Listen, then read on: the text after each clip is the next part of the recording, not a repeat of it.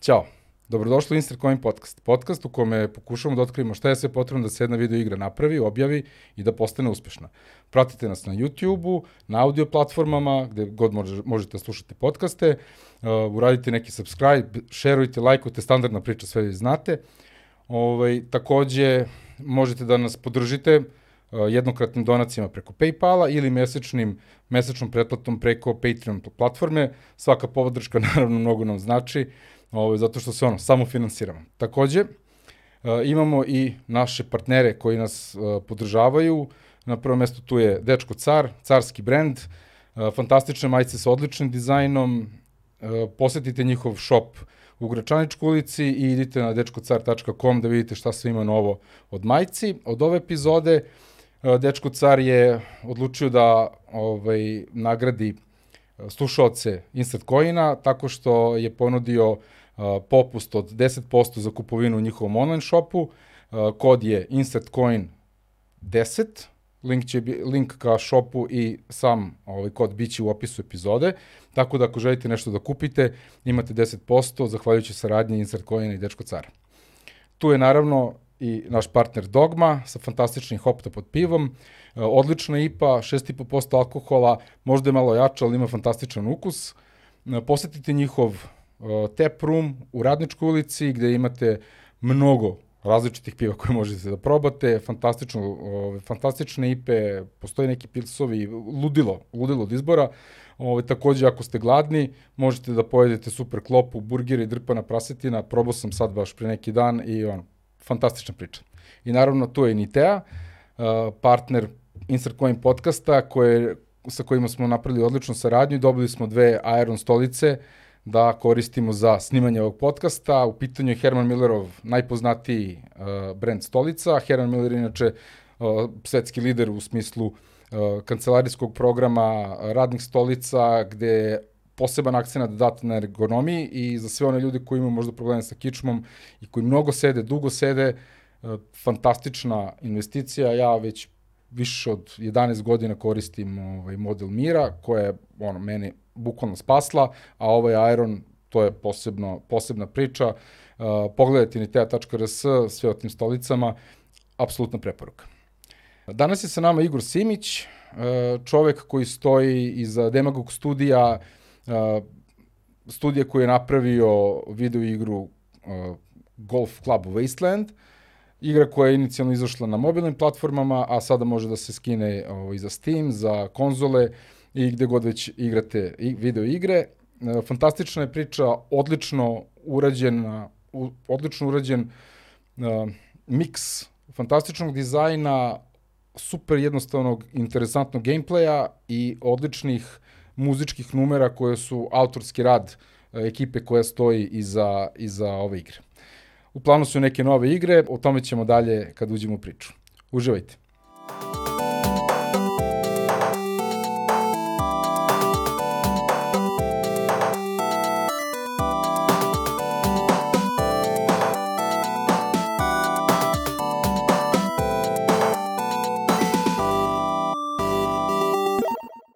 Ćao. Zdravo. Dobrodošao. Bolje te našao. Hvala. Ovaj, pazi, ja sam onako istražujući uh, s kim bih mogu da napravim razgovor, čija bi priča bila interesantna za mm. Insert Coin, ovaj, naravno došao sam do, do tvog imena i do Demagog studija, gde ovaj, u mnogo nekih prilika se pomenulo igra Golf Club Wasteland kao, da kažemo, neki prvenac koji je obeležio ovaj, početak te priče. Uh, skinuo sam igru, igrao sam igru, kao što sam rekao u najavi, fantastična je, super lag gameplay, ali atmosfera, posebno mm. ono fazom slušanja na slušalicama, je, ti si bukvalno tamo, to je postapokaliptična zemlja, ti si došao kao transporter, uh, mm -hmm. to jest vozač uh, šatlova između Marsa i, i, i Zemlje, uh, čovek koji faktički transportuje bogataše sa Marsa da dođu da igraju u, u pustari ostataka Zemlje ovaj, partiju golfa. Mm -hmm. Uh, ono što mi se na, na, naravno na prvu loptu dopalo je ubacivanje neke ikonografije uh, naših predela. Tu, tu je spomenik na Kosmaju, tu je, ne znam, Genex zgrada, ne, nešto nalik na, na zgrade u, na, u 21. bloku na šest kaplera i tako dalje.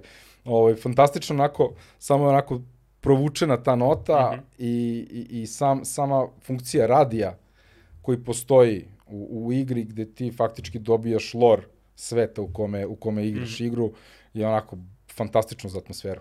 No, tako da, uh, eto možemo počnemo da pričamo o igri i treba da izađe ili je već izašao soundtrack za, za igru, ali eto možemo, biraj, biraj redosled kojim hoćemo. Pa ti si to dosta dobro prezentovao ovaj, i u principu e, tako kako si ti sad ispričao, tako iz, je izgledalo kad god sam ja Uh, radio neku vrstu prezentacije dok je igra bila u razvoju, bukvalno verbatim si ispričao, pričao što je super. Nisam slušao, pazi. Ove, ovaj, znam, znam, pa, mislim... ne, i nema online. Ove, da, e, to.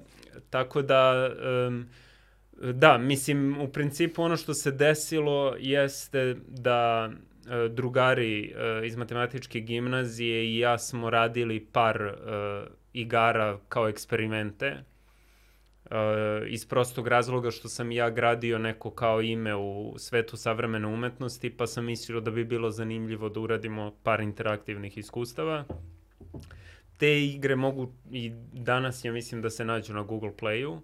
Ovaj, jedna se zove Crisis Expert, uh, gde voziš shopping kolica po ekonomskom grafu i treba da skupljaš uh, valute, a da izbegavaš um, zdravstvo, ekologiju, obrazovanje i slično. Ovaj, to ti oduzima živote. Tako da to je e, bila prva igra i druga, e, one su besplatne igre, ove, i više su bili eksperimenti. Druga, uh, upravljaš fabrikom gde deca ovaj, rade na proizvodnoj traci i proizvode igračke i ti ih uh, budiš ukoliko uh, neko zaspi dok ra na poslu i tako.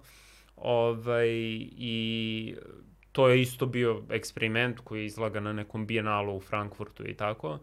Ove, međutim, posle nekoliko godina oni su se već e, zaposlili, drugari, svi su ono ETF, Ove, i u Srbiji je to relativno ovaj, dobro plaćeno, međutim, naročito ukoliko radiš e, za strane klijente, može bude dosadno, iscrpljujuće i tako dalje.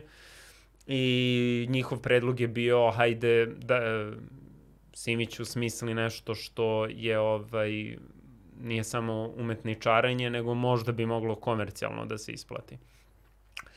I tu je bilo par nekih iteracija, ja sam tu ubrzo uvideo, pošto ja o kompjuterima i o gamingu ne znam ništa, uvideo da se dosta vremena ulaže u development i e, neka procena je bila ajde da uradimo nešto što ima vrlo sveden uh, gameplay, a da onda stvari koje mogu da izgledaju bogato i uh, produkcijski uh, konkurentno na nekom kao globalnom tržištu, uh, da damo akcenat na vizualno, na audio, jer ja sam već tu imao neki razrađen sistem zbog toga što ja iz filma dolazim i vizualnih umetnosti. Ovaj, I onda u to vreme su bili izbori gde su Trump i Hillary bili kandidati. Takođe Elon Musk je postao zvezda na tom talasu um, direktora, CEOs koji su ovaj, takođe javne ličnosti, influenceri na Twitteru i slično. I negde sam ja prezupčio gledajući prosto vesti kod drugara sa kojim sam osnovao Demagog, ovaj, da pošto je Trump jedan od biznisa koje je vodio je proizvodnja um, terena za golf.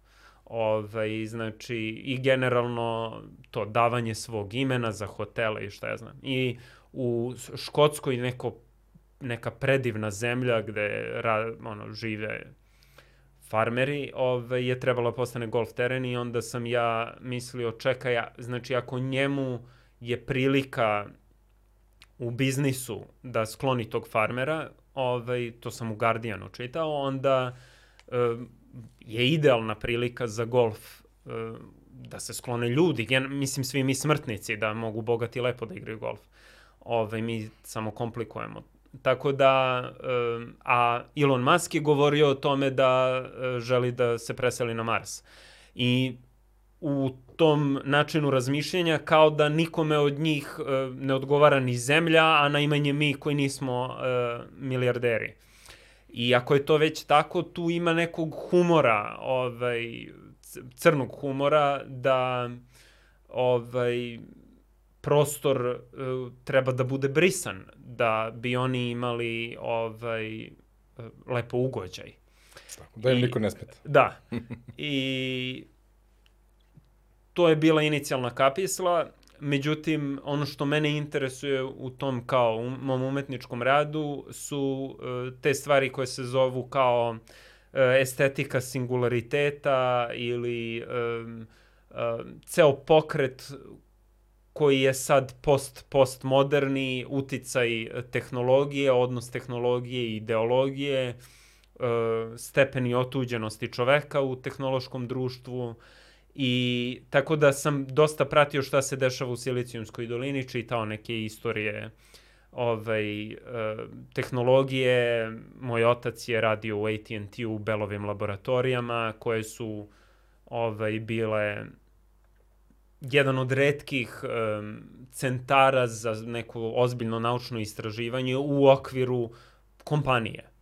Ovaj, i, um, a prva umet, ljubav su mi umetnost i, i film. Tako da sam onda tu skapirao da verovatno treba napraviti vezu između uh, Silicijumske doline, uh, tih distopijskih scenarija, uh, golfa, dnevno-političkih stvari, um, estetike, uh, Blade Runnera. Naš pitch je bio u suštini kada smo prezentovali između ostalog i Apple, ali i ovde uh, Ove, imali smo jedan sastanak u Nordeusu i tako, jedan u Medheadu. Uh, ja sam uvek govorio mi ćemo da radimo desert golfing u Blade Runneru i to ljudima zvuči interesantno pošto je nesvojio.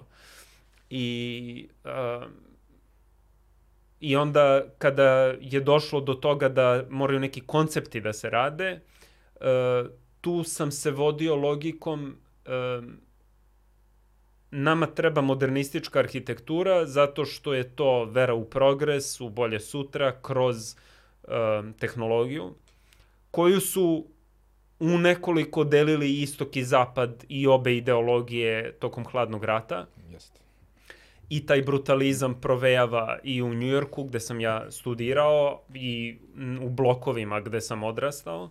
U San Francisco ima onaj hotel koji je bukvalno kod da si ga Jeste. s Novog Beograda, da. se pored piramide stoji ono bukvalno. Mislim, da. Znači, ja sam to slučajno ono video, ono, pa ovo je Novi Beograd. da, da. da. Tako da to je bila neka logika i, um, i još jedan razlog je bio zato što je estetika onoga što zovu, ne znam, um, steampunk ili taj noir u e, naučnoj fantastici vrlo često ovaj, liči jedno na drugo i kao da e, potencijal brutalizma nikad nije dovoljno iskorišćen. Takođe, vodim se nekom logikom da reference i e, određeni način mišljenja, neke e, vizualne stvari e, dolaze iz onoga što ja poznajem.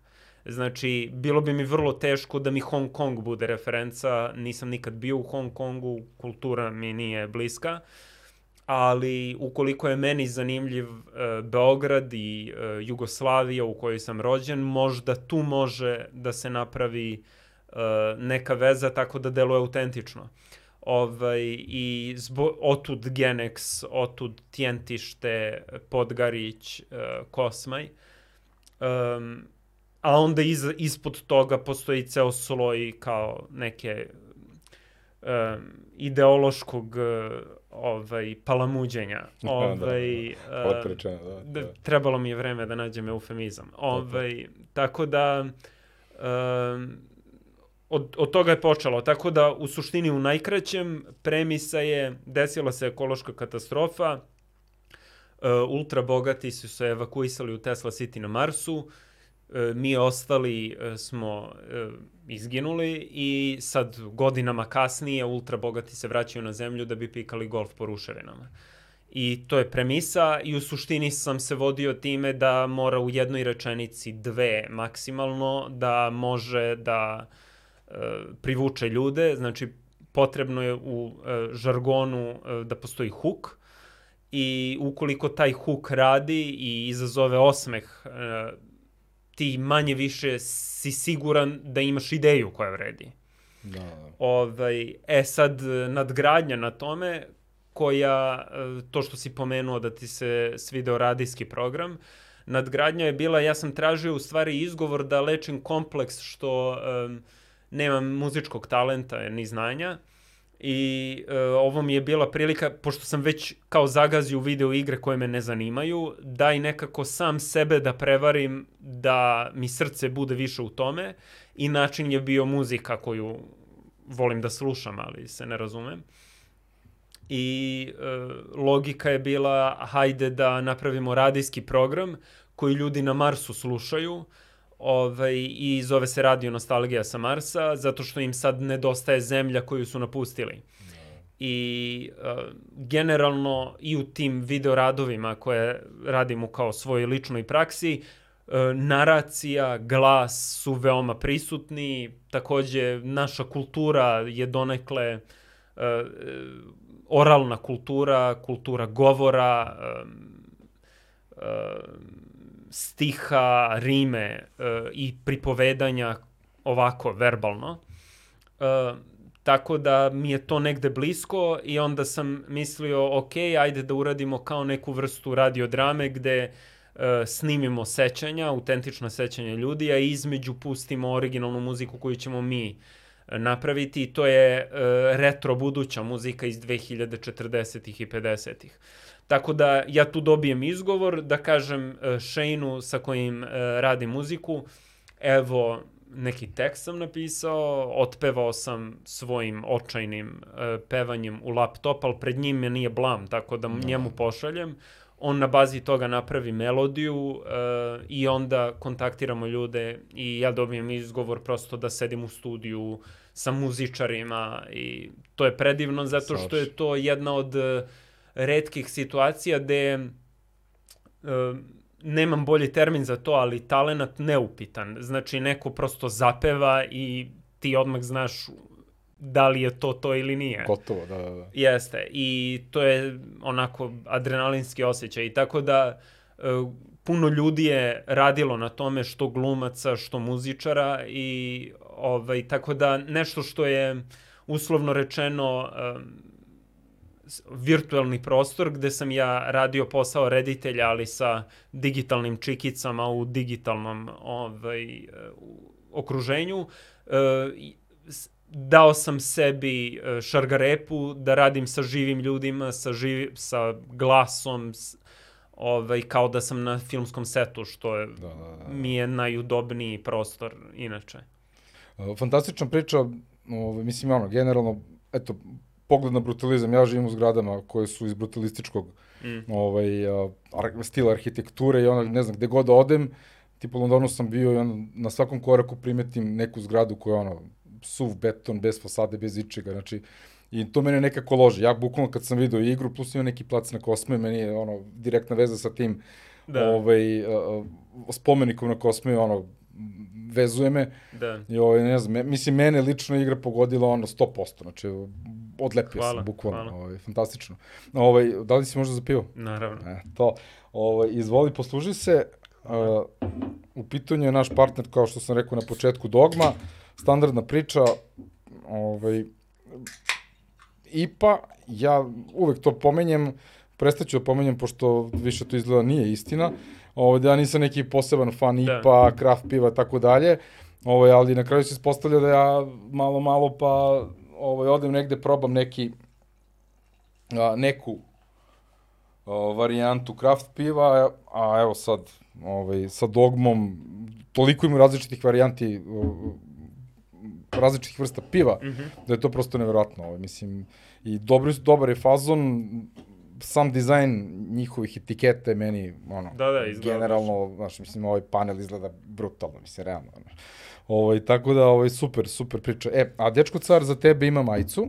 Oh, hvala. Ovaj, to, ne znam da li si znao za to, u principu ne, ovaj, to je neka veličina M, vidjet ćeš da li je tebi. Okay. To je to, ja sam da, vidio. To, to. Ovaj, pretpostavio sam negde, Super, hvala. Ovaj, no Wi-Fi, tako da, eto, to, to je... to mi odgovara. to je ta poruka. Ove, ovaj, odlično, super, sviđa mi se. E, to, to, odlično. Ove, Eto, ovaj, hvala. Pa nema na čemu. Za, za Dečko car. E. Oni su super. Ja sam... Yes. Imaju neki, neku kancelariju, ne, sad sam zaboravio koja je ulica, tu sam bio u montaži, poslednji film sam, A, pored je montaža. U Cvijeću, kod, kod Urketa, da, da, da. Kod Urketa da, sam da, da, montirao da, da, da. film, ovaj, i tako da sam provirio i kod njih. E, pa eto, Super, znači, hvala, si, baš to, mi je drago. Da, ja.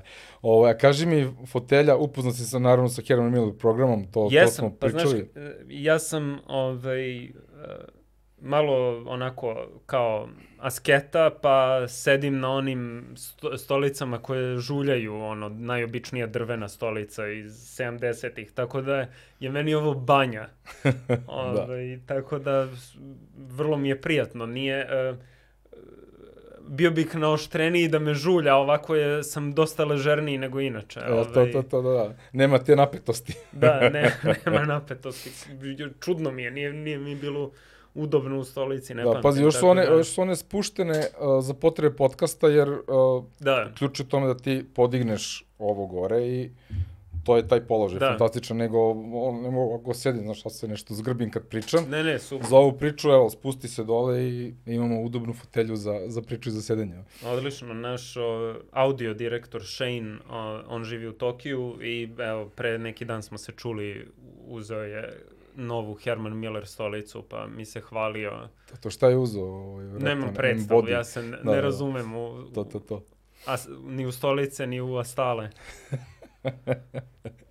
odlično, odlično.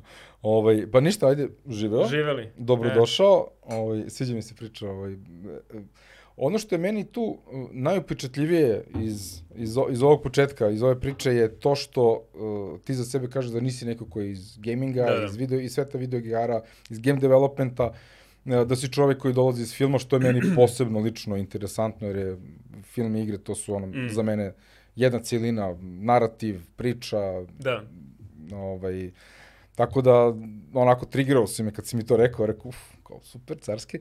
Ovaj, tako da, uh, shvatio sam, objasnio se zbog čega video da. igre, jer je to faktički bio neki outlet da isprobaš svoju kreativnost, svoju neku viziju na nekom drugačijem mediju, plus veza sa uh, muzičkim elementom je očigledno tebi jako, ovaj, jako bitna.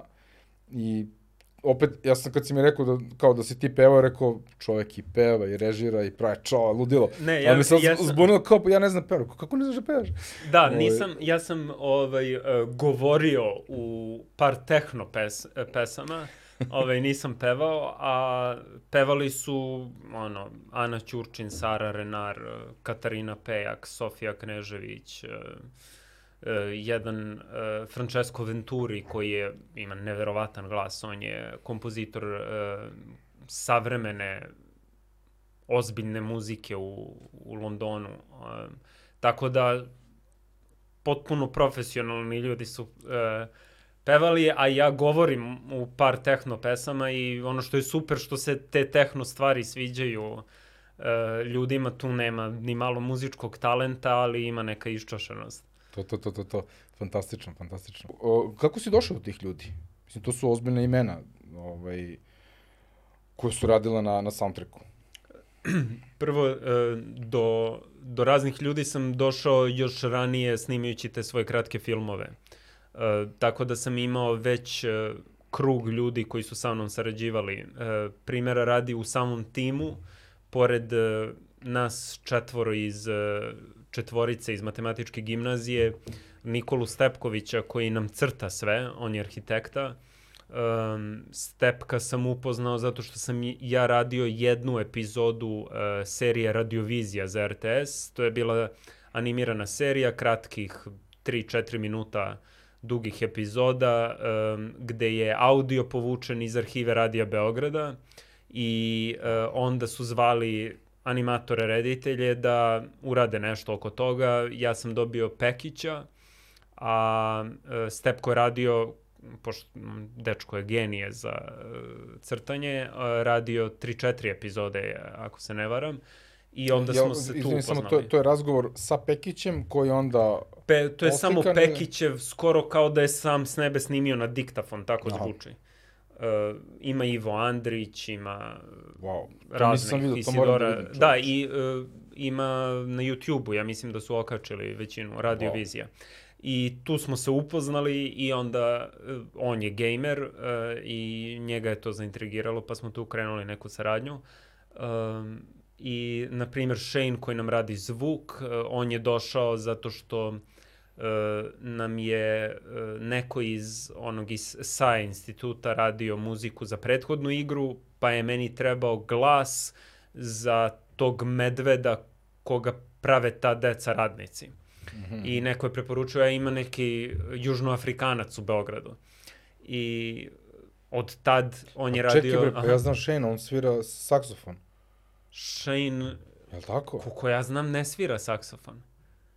Shane, možda ga znaš, znaš koga zna? Zna ga Ivan Minić i ja mislim da su se oni upoznali na nekom TEDxu u Zemunu. Ali Shane je DJ, ono, elektronika. Zna, zna, e, zašto mi ime, no, sve vreme mi se vrti u glavi, da. ja da mi jako poznato sam povezao onda sa ne, nečim drugim. Dobro, okej. Okay. Ali ta, tako je Shane da, cool, cool. se, se pridružio i on je prvo radio sve moje kratke filmove i onda je prosto prirodno bilo da, da se uključi na golfu. Um, Ana Ćurčin, ja sam joj prosto pro, poslao mail, mislim da je devojka pre, pretalentovana i ona je vrlo sutradan je odgovorila da je zainteresovana. Sjajno. Sara Renar, mi smo prethodnu tu igru sa decom radnicima radili sa uh, uh, ilustratorkom, dečijom ilustratorkom Manjom Lekić, koja je drugarica sa Sarom Renar, pa sam ja je zamolio, ajde reci, objasni Sari da, da sam simpatičan i da treba da radi sa mnom. ovaj, onda Katarina Pejak, uh, ja mislim da je nešto znam iz grada, i tako, razni ljudi, da, da. ali, na primjer, sad za novi album hoću da kažem, moguće je javiti se ljudima, ne treba prezati od toga. Znači, Kanda Kođa, Nebojša,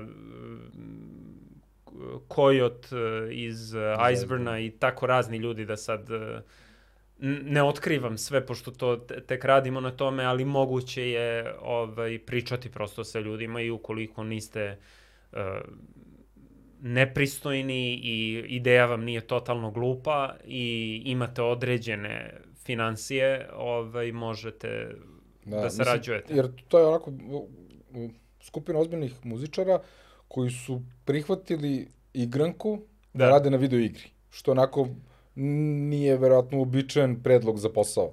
Pa koji da, dolazi ali dan. tu postoji, o, oni su se vodili logikom kojom sam se ja vodio. Znači, um, mene interesuje film, međutim, mi živimo u trenutku kada um, video igre imaju uh, zamajac koje možda film imao pre 50 godina. Znači, uh, recimo ako ste Federico Fellini, vi, uh, vama je Cinecittà, koja je ekvivalent našeg avala filma, tu Hollywood tu stalno snima, Znači neko kao, na primjer, Piaggio sa Vespom može da dođe do reditelja uh, onog filma sa Audrey Hepburn u Rimu i da kaže, slušajte, nemojte u zapregu da stavite Audrey Hepburn, nego stavite ih na Vespu koju sam ja sad napravio i tako. Da to je bilo moguće. Da, to je, um, da, kako se zvaše, da nešto, romans u Rimu, nije. Jeste, tako, tako nešto, ne, da. Da, da, da. Ovaj, znam, znam film, film. Predivan film jeste. i, na primer, uh, moguće je da deo um,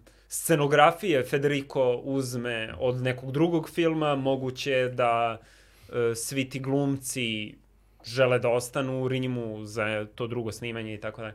Znači, ali on je mogao da pozove telefonom uh, producenta do duše sve to naravno bilo i u velu mafije i tako dalje, ali šta je tu je, za, ume, je za, za umetnost je ovaj, uh, i da prosto zatraži pare i vrlo često je uh, prekršio uh, limite budžeta i ali je za film bilo je normalno gledati Dolce Vita u bioskopu.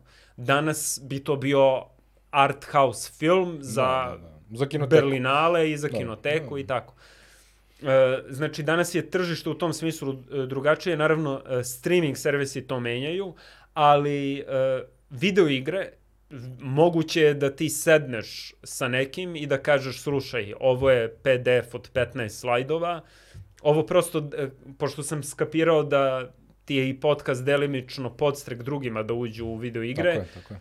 E, da ne, ne palamudim suviše o nekoj filozofiji, e, nego šta, šta je, na primjer, praktična stvar, moguće je da imaš prototip koji može da bude 5 minuta igranja i da imaš 15 slajdova sa likovima, koncept artom, scenarijem, sinopsisom, tom rečenicom, taj uh, log line log ili line, patch. Da. To mora da bude dobro i uh, okviran uh, vremenski raspon koliko vam treba da napravite igru i šta je budžet koji vam treba. Pošalješ na relevantne mailove, većina e-mail adresa su dostupne online, kažeš to je naš predlog, to je taj uh, jedan slajd šta, ko, je, ko su članovi tima ili koliki je tim, šta imate, šta vam možda treba i možeš da se dogovoriš, recimo sa izdavačem, sa nekim investitorom i tako dalje, postoje modeli. Ali dogovor može da se desi za mesec dana, za dva meseca, to je u filmu skoro nemoguće, naročito u evropskom filmu. Proces traje godinama, ljudi porastu za taj period. Neka traje recimo 5, 6 do 10 godina. Mi imamo puno domaćih reditelja koji su prolazili Ležajić, reditelj Tilva Roš, Ivan Ikić, reditelj Varvara, Maja Miloš, rediteljka Klipa. Cela ta generacija, e, velike su pauze e, između filmova iz raznih razloga, ali jedan od razloga je što prosto proces skupljanja novca iz raznoraznih državnih, evropskih i drugih fondova traje i da bi vam neko dao pare, želi da takođe prođete određene kampuse za razvoj scenarija i slično. Um, I ja sam video kuda to ide i onda je ovo bio jedan način, čekaj, ja mogu bukvalno ukoliko imam dobru prezentaciju po nekom, nazovimo, američkom sistemu, da prosto kao salesman kažem, ovo je moj predlog, da li veruješ u to, ako veruješ prosto mi daj novac i zajedno ćemo profitirati. Da. To tako funkcioniše. Tako da smo mi mogli da odemo na Reboot festival u Dubrovnik i na pivu sa izdavačem, bio to Raw Fury, bio, uh, ne znam, uh, Devolver Digital, da sednemo, proćaskamo na plaži uh, i kažemo, to je 5 minuta traje sastanak i na da. bazi 5 minuta on, uh, on ili ona ti kažu ok, pošalji mail ili trenutno nismo zainteresovani i tako. Fair game, da. I um, u tom smislu uh, treba imati stvari za ljude koji su uh, imaju uh, pozadinu umetnosti kao ja, treba imati prosto u vidu razumeti vreme u kojem živiš, jer um, puno ljudi, na primjer, koje znam u filmu, bi rekli da, da, ja bih da snimim film kao novotalasni francuski film. Da, ali ti filmovi su nastali i imaju tu vrstu e, direktnosti i iskrenosti zbog tog vremena. E, na ovaj ili onaj način umetnost mora da bude vrlo e, utemeljena u vremenu u koje nastaje. Tako da je bilo moguće da Godar uh, pozove uh, Belmonda i da kaže slušaj ti dođi u svom odelu Outfitu, da. i mi ćemo da snimamo do poslednjeg daha i ja u stvari ni nemam baš scenario, ali pošto sam toliko filmova video i radio kao filmski kritičar, ja ću moći iz dana u dan da to smišljam i posle ćemo to rezati i sve je što se na srpskom kaže do it yourself. Tako da, uh, ali je to bilo moguće tad, danas bi to delovalo uh, malo amaterski. Uh, I uh, znači sva, svaka umetnost ima nekako svoje vreme i sad postoji zamajac sa video igrama i onda je moja logika bila i razlog tome, ovo sam već jednom pričao, ali nije da je su hiljade ljuda, ljudi to slušali, uh, znači, meni je na fakultetu, na Kolumbija univerzitetu predavao jedan semestar Paul Schrader, scenarista, taksiste i uh, razjarenog bika, američkog žigola, reditelja američkog mhm. žigola i mišime.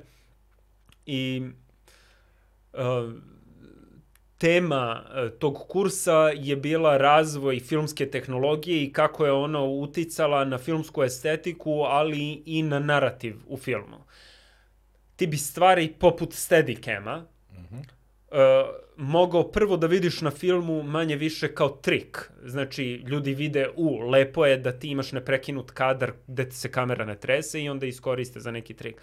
Ali je potreban neki Kubrick, recimo, da ti iskoristiš isti taj um, gadget za nešto što je u svrhu pripovedanja. Da, da, da. Znači ne tehnologija radi tehnologije, nego yes. da, da ispriča priču što je yes. efektnije. Da. I uh, to je otprilike bila pri, tipa Luma kran kako je korišćen i na primjer u špici za ne znam koji film Polanskog je korišćen čisto radi estetike te špice, ali, na primjer, u Nebu nad Berlinom ili Wings of Desire Vima Wendersa je korišćen upravo zato što je anđelska perspektiva i to je bilo potrebno i uopšte ta ideja da možda preskočiš taj berlinski zid.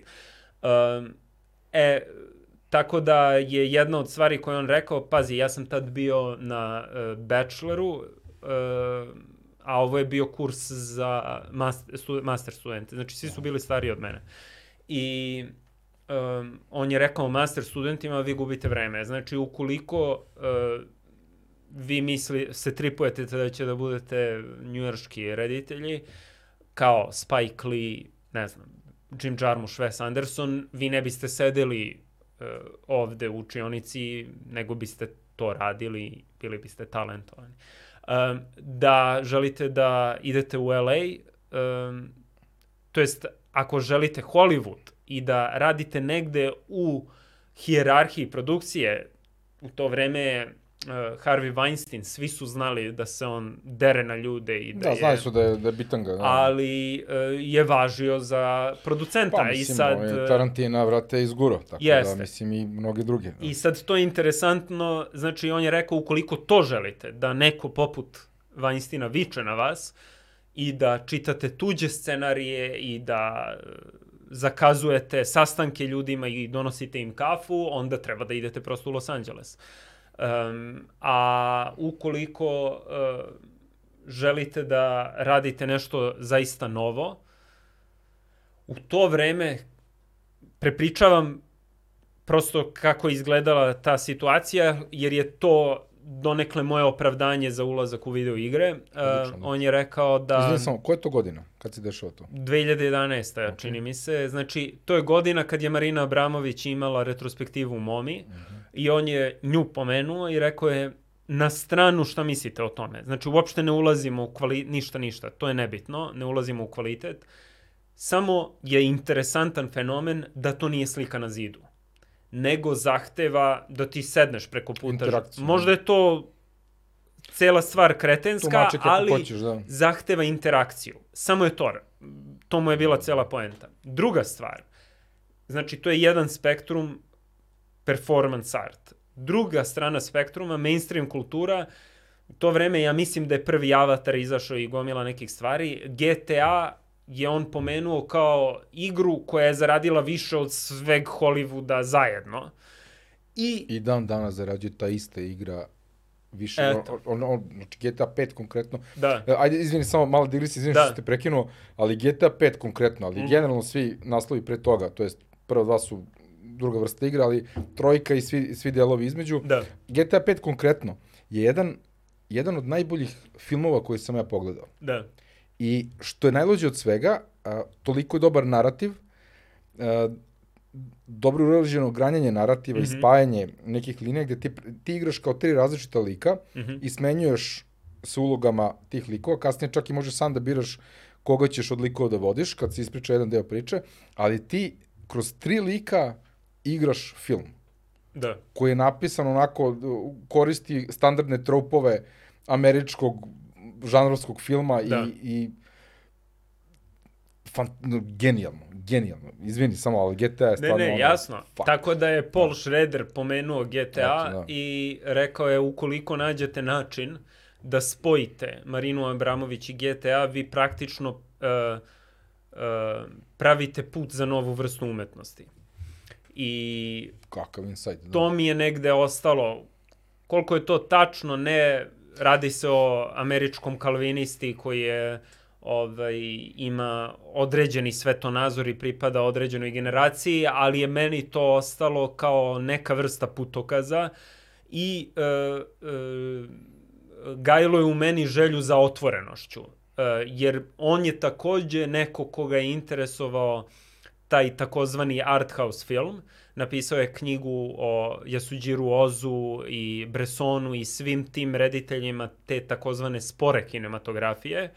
Ali sa druge strane je poznat zbog uh, svežine koju je u žanrovski film.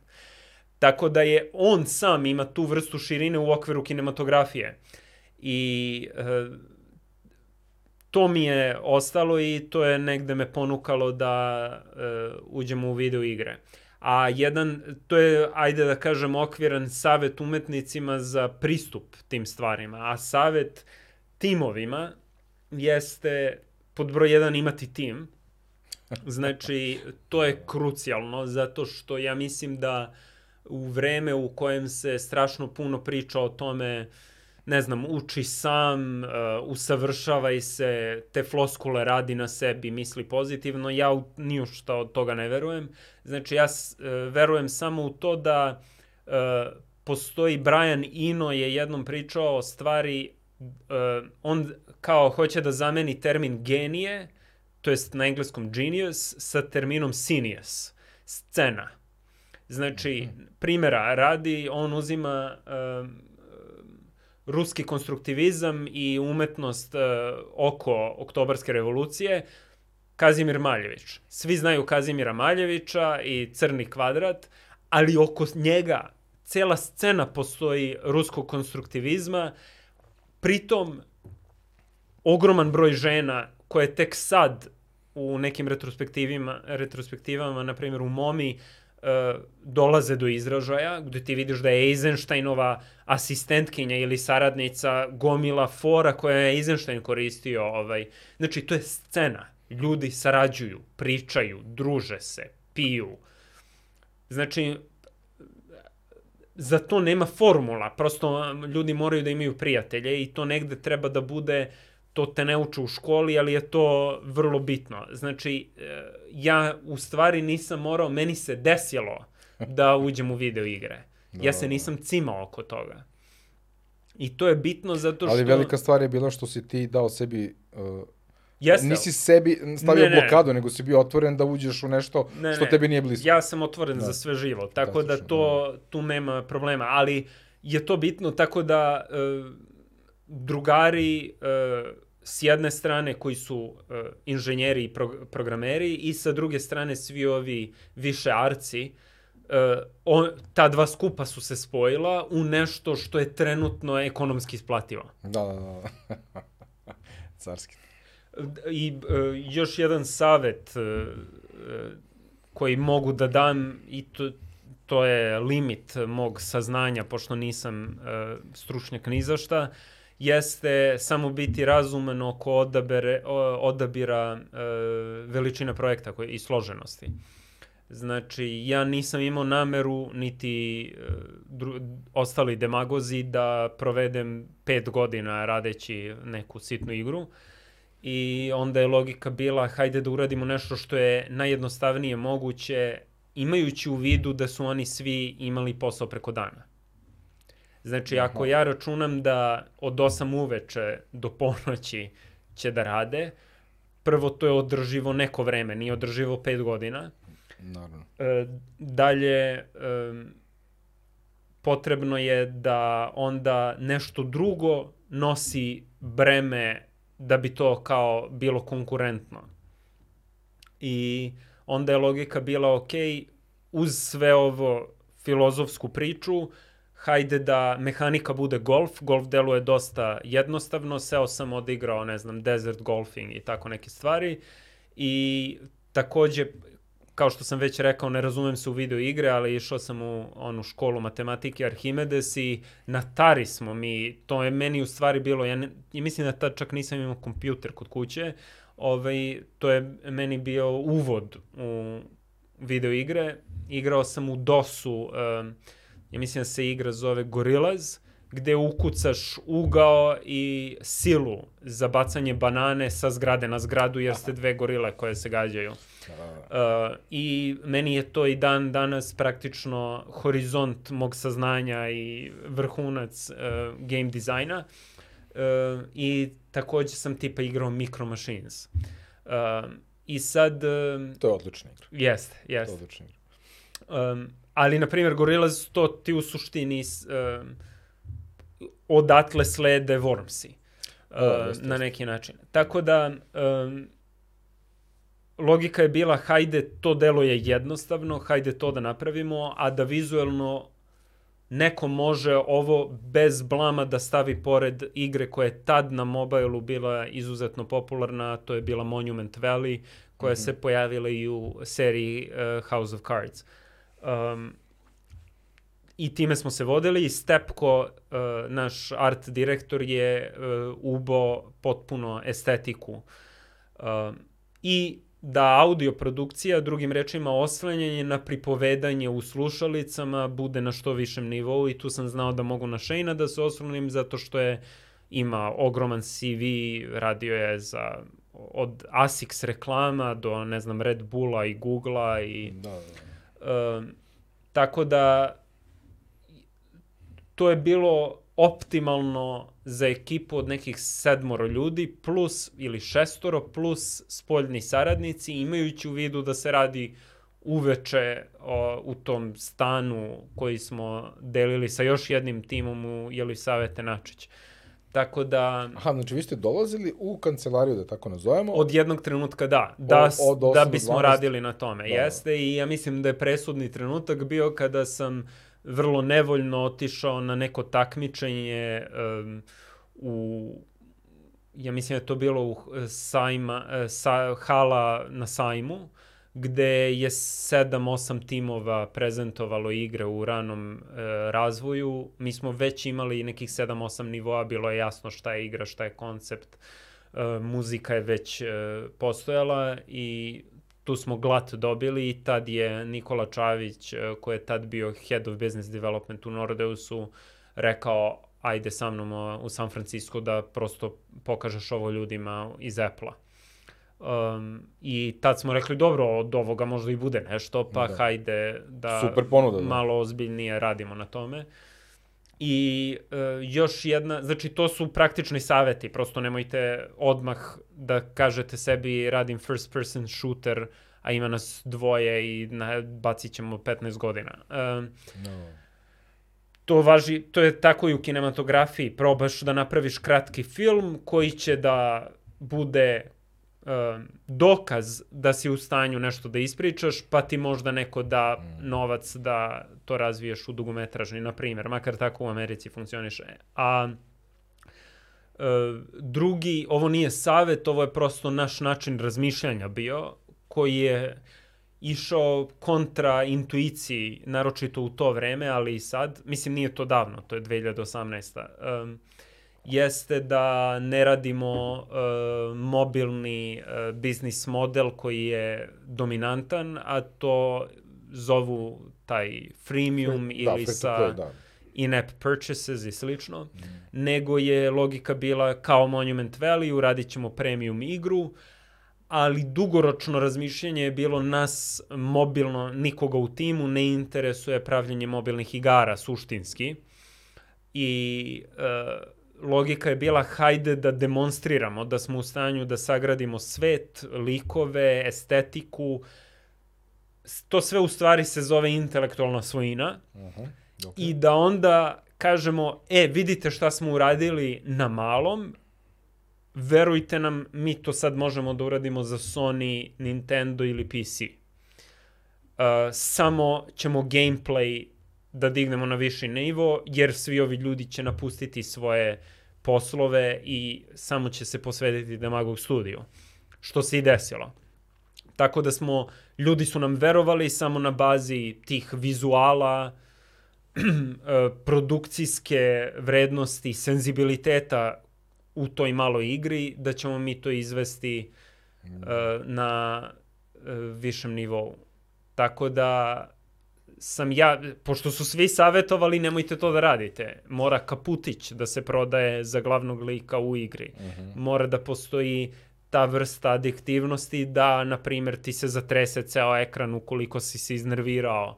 Mora da postoji um, neka vrsta ataka na čula da bi ljudi uh, bili uh, na neki način... Skloni kupovini. Da. Skloni kupovini mm. i postoji ceo psihološki element ispod, mislim, ljudi studiraju psihologiju ne samo da bi ljudima pomogli, nego i da bi ih iskoristili, da li za marketing, da li u video igrama. Uh, te vrste dopaminske zavisnosti. Da, to je predatorski monetization, I, predator monetization. I uopšte ne ulazim, znači Žasno. puno prijatelja imam koji mm. rade u tim kompanijama i oni su mi dragi prijatelji, e, što bi rekli ne pričamo o politici, ali e, što se, šta je naš odgovor bio, mi imamo džinovski neon, ja sam posle i pravio taj neon u fizičkom obliku i izlagao ga u Palazzo Stroci u Firenci, prodaje se kao umetničko delo, digidopamin.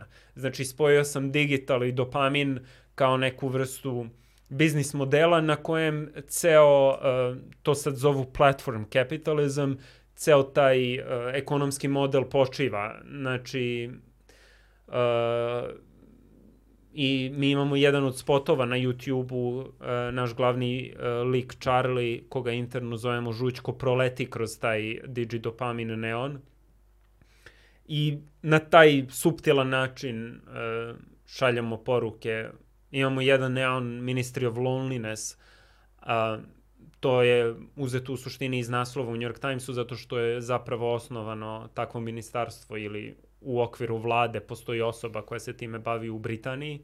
Naročito stari ljudi su usamljeni i generalno je interesantan taj fenomen hiperpovezanosti i uh, otuđenosti čoveka od čoveka i koji je tu uh, koja je tu situacija, tako ali smo sija u loneliness LOL, to jest laughing out loud, što ljudi da. koriste u porukama, tako da mi imamo cela igra ne samo da je bazirana na ideološkoj ambivalentnosti istog zapad, e, kapitalizam, komunizam, Silicijumska dolina, ruski kosmizam, pošto je i Peter Thiel i ruski kosmisti su, veruju u to da je smrt samo bolest i da je treba prevazići. Znači sve te osvajanje kosmosa, uh, uh, ne samo da je to prožeto, nego i ta vrsta ambivalentnosti prema samom medijumu u kojem se izražavamo. Uh, I komentara da ti igraš igru na mobilnom telefonu koja je napravljena kroz određeni produkcijski proces i šta to znači, a komentarišeš na klimatske i ekološke stvari koje su vezane, mi to imamo kod nas slučaj sa Rio Tintom, znači imamo konkretan primer gde takozvani green tech uh, zagađuje Zagađa, u da. slučaju uh, Jadra i dri, uh, područja tamo na Drini. Tako da uh, imamo sve te komentare, ali sam, smo se vodili uh, tom logikom uh, umetničkom gde ne postoji komentar koji decidirano kaže to je ili to je. Less is more. Nego to, to, da, da, prosto prikazujemo vreme u kojem živimo i to je to. A Shane je bio zadužen koji je mnogo veći, da tako kažem, štreber za naučnu fantastiku. On je zadužen za to, aha, istraži kako je živjeti na Marsu. Mi smo na jednom bijenalu pričali sa umetnicom Janet Biggs koja je bila u uh, eksperimentalnom naselju, ja mislim da li u Saha, negde je bilo, ne, ne, kao kakav je život na Marsu u organizaciji NASA. I onda nam je ona pričala, uslovi su katastrofa, znači mi ne možemo mm. na zemlji da opstanemo u tim redukovanim uslovima, a kamali na Marsu. Tako da je on ubacio sve te stvari da kao uh, uh, glasnogovornik kroz audio sistem Tesla City-a, e, vodite računa, ima kao nemojte da tro, toliko da, i toliko litera vode. I ostalo, jeste, da, da, jeste, mora urin da se koristi za prečišćavanje, e, postoje te i te vrste ps, mm. psiholoških tenzija zato što je toliko um, sterilno.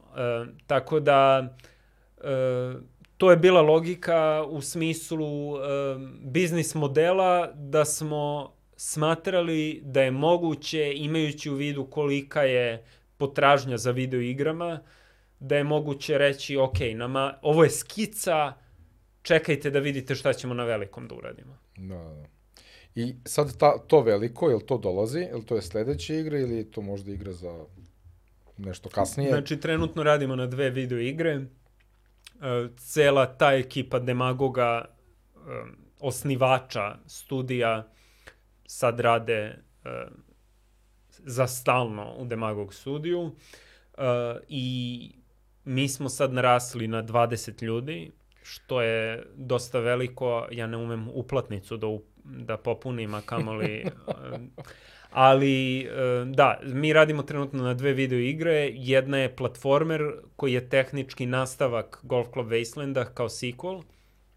Nice. Način na koji sam ja prezentovao to uh, izdavaču je ovo će da bude knjiga o džungli u Blade Runneru, znači istu foru sam upotrebio. To, to, to je filmski jezik, to je I, filmski pitch. Da. Um, radimo novi uh, radio serijal za to. Uh, pritom, čisto da ljudi imaju u vidu, ja ne znam kakva je sad situacija na mobilnim platformama, mi smo reizdali značajno upeglaniju, značajno veću što se tiče broja nivoa, što se tiče muzike, verziju Golf Club Wastelanda u dve, u, na jesen 2021. Tad je igra izašla na Sony, u Nintendo Switch, uh, e, PC-u i Xboxu.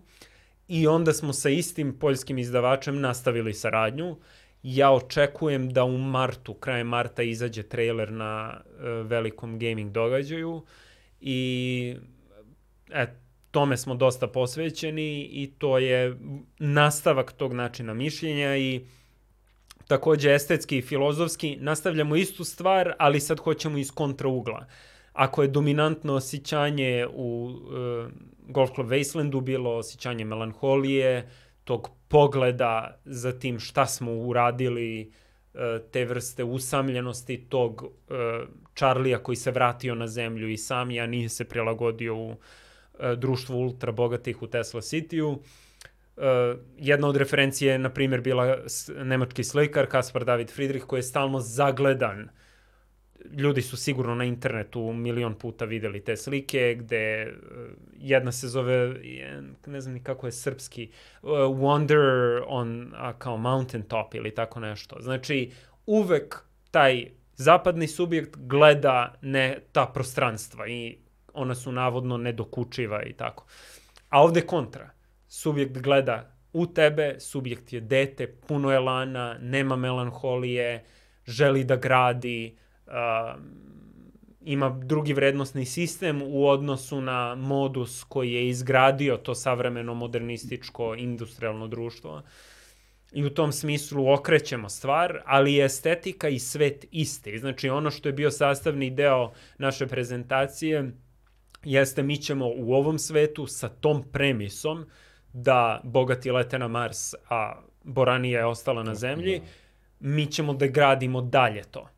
Logika iza toga uh, iz biznis ugla, da bi bio, uh, da ne palamudim suviše, nego da budem koliko toliko koristan, je bila ukoliko mi ne možemo da, naš tim ne može da izgradi novu tehnologiju Uh, I ne može, okay. na primer, da uradi ono što je Trilateral uradio, gde imaš novi softver koji sam po sebi je intelektualna svojina koju onda drugi timovi mogu da koriste i Epic je to kupio.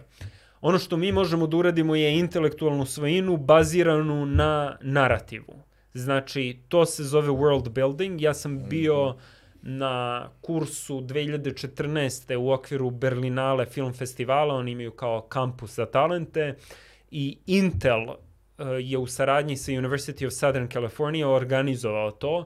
Ja sam se bukvalno osjećao kao riba u vodi jer se tražilo od nas da recimo bilo je onako polu glupo, ali nije bitno, kao vežba je dobro, spojite Rio de Janeiro i Los Angeles u nekoj budućnosti i smislite koje likove želite u tom spoju ta dva grada i koje ćemo narative da gradimo, a zamislite neka distopijska budućnost. Dan. e, i onda smo mi še, dva da. dana po šest sati s, praktično pokušavali da u, polazeći iz ugla sveta izgradimo mikropriče. Dobro, e, i uh, radionica Berlin, na Berlinalau, uh, world building. Sad, meni je ta tema ekstremno interesantna, pošto se ama, da. amaterski bavim ovaj, pisanjem.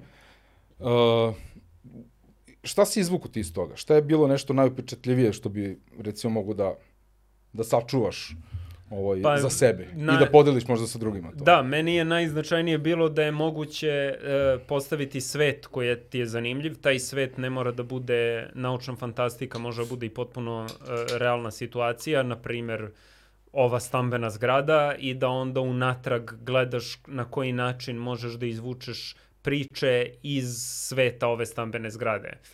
E, Mi smo imali, na primjer, film Kičma sa Draganom Nikolićem koji se bavi time jedna stabena, jedan soliter. Um, tako da u slučaju te radionice bila je naučna fantastika i taj spoj LA-a i Rio de Janeira i kao neki uh, i mi, uh, način na koji je su funkcionisala dva dana od po šest sati jeste uh, ideje se prezentuju, gradi se svet u etapama, znači prvo koje su karakteristike tog sveta? Arhitektonski, pa onda klimatski, pa ne znam, politički, pa odaberimo godinu u kojoj se ovo dešava, pa uh, koji su ra, ono ekonomska i klasna stratifikacija, pa um, ako odaberemo te grupe koji nas likovi u tim grupama interesuju, pa koje su njihove priče i tako dalje, e, a imajući negde u vidu istoriju ta dva grada.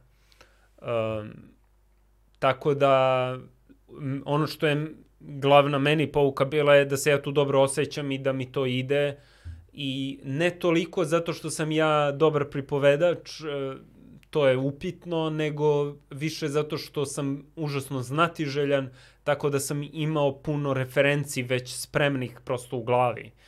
Um, e sad, ono što je interesantno je da sad sredinom februara sam ja mentor na tom istom kursu zajedno sa uh, Alexom McDowellom koji je radio na Minority Report i koji predaje to na USC-u. Tako da i razlog što su me zvali jeste što na ovaj ili onaj način sam koristio tu metodologiju u ovim igrama koje radimo. Znači, jedna igra je taj Golf Club Wasteland, druga je uh, ova na platformer koji sam pomenuo i treća na kojoj radimo, to je sve pod uh, ugovorima, tim non-disclosure ugovorima, tako da tu ne mogu ništa da kažem, osim da je e, dosta ambiciozno i imamo sulude rokove, obe igre treba da završimo u ovoj godini. I, je li to realno? E, da, jeste. jeste, mislim, mi smo se proširili zarad toga i imamo dva različita izdavača, dva različita partnera Tako da je moguće, ono, izdržat ćemo. I svi ljudi koji su došli su e, mahom kvalitetni i došli su zato što im neki su čak došli iz firmi gde su veoma uspešni na visokim pozicijama zato što su hteli da rade nešto što deluje da je uh, originalno i da mogu da se pohvale, eto radimo na video igri koja nije ovaj, slot mašina ili nije e, softver koji onda prođe još pet ruku da bi ušao u neki uh, automobil ili šta ja znam.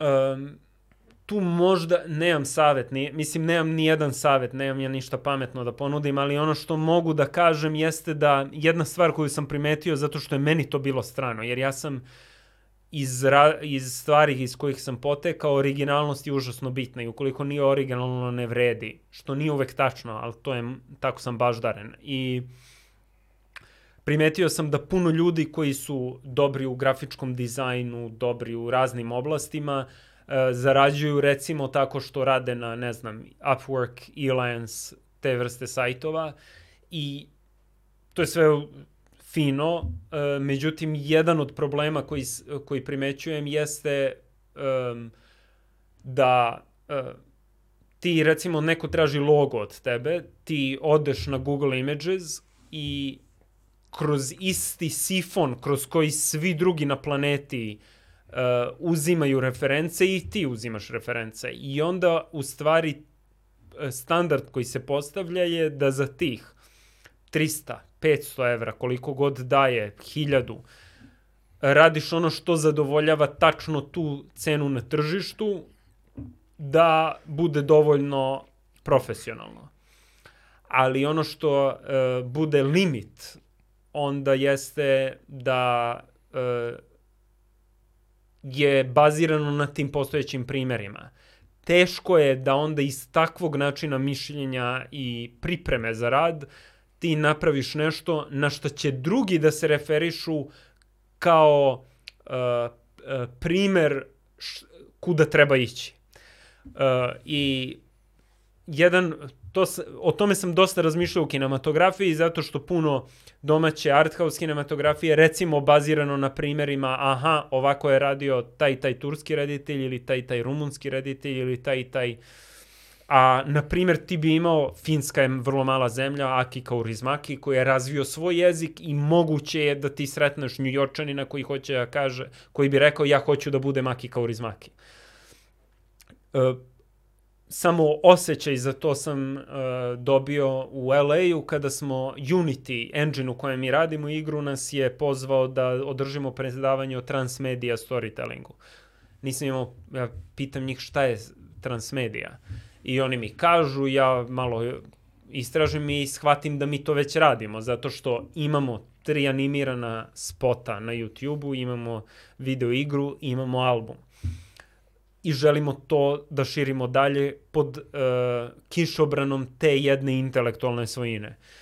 I uh, odemo u LA i održimo to predavanje o nečemu ovaj, što, u što se ne razumem, ali kao što uh, vidite, ja sam u suštini prodavac magle i priđe nam čovek koji je radio ceo priviz za Blade Runner, novi Blade Runner. I uh, ovo je fenomenalno, vi treba da radite u LA-u, šta god, ali nam priđe lik koji radi u Disneyu i Disney je imao kao prezentaciju svojeg nekog VR uh, crtanog filma koji je napravljen u Unity i on je rekao bukvalno ja bih volao u svom životu pazi, to su dva lika koja su solidno visoko pozicionirana to u Disneyu su...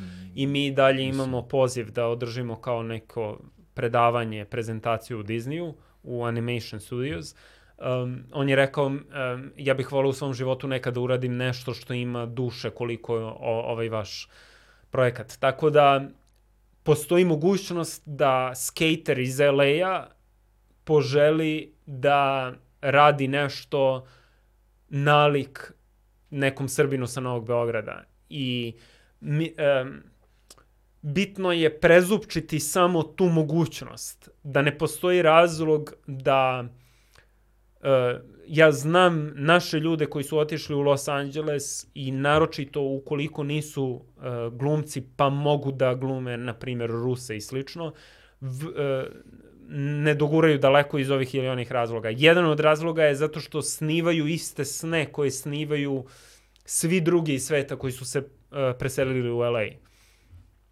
treba formulisati fantaziju uh, tih likova, tih priča koja je drugačija. Ne postoji razlog zbog kog bi Amerikanac, producent platio Srbina da priča američku priču koju desetine hiljada Amerikanaca mogu bolje da ispričaju i e, otudi te reference i taj način mišljenja. Mi imamo srpske uspavanke, imamo jeste, jeste, fantastično. E, reference na srednju Evropu, to je nešto što ja solidno poznajem.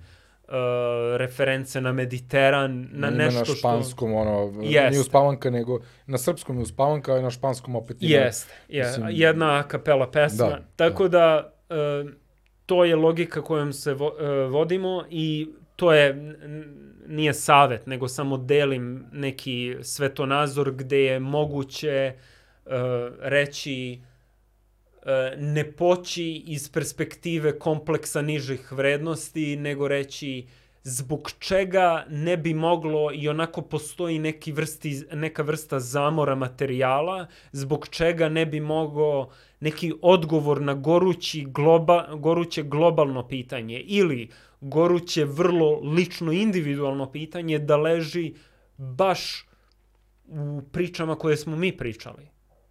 Zbog, ne postoji razlog da se iz ugla Ćopića ne pristupi i kaže iz Nušićevo pripovedanje u Hajducima nije inferiorno.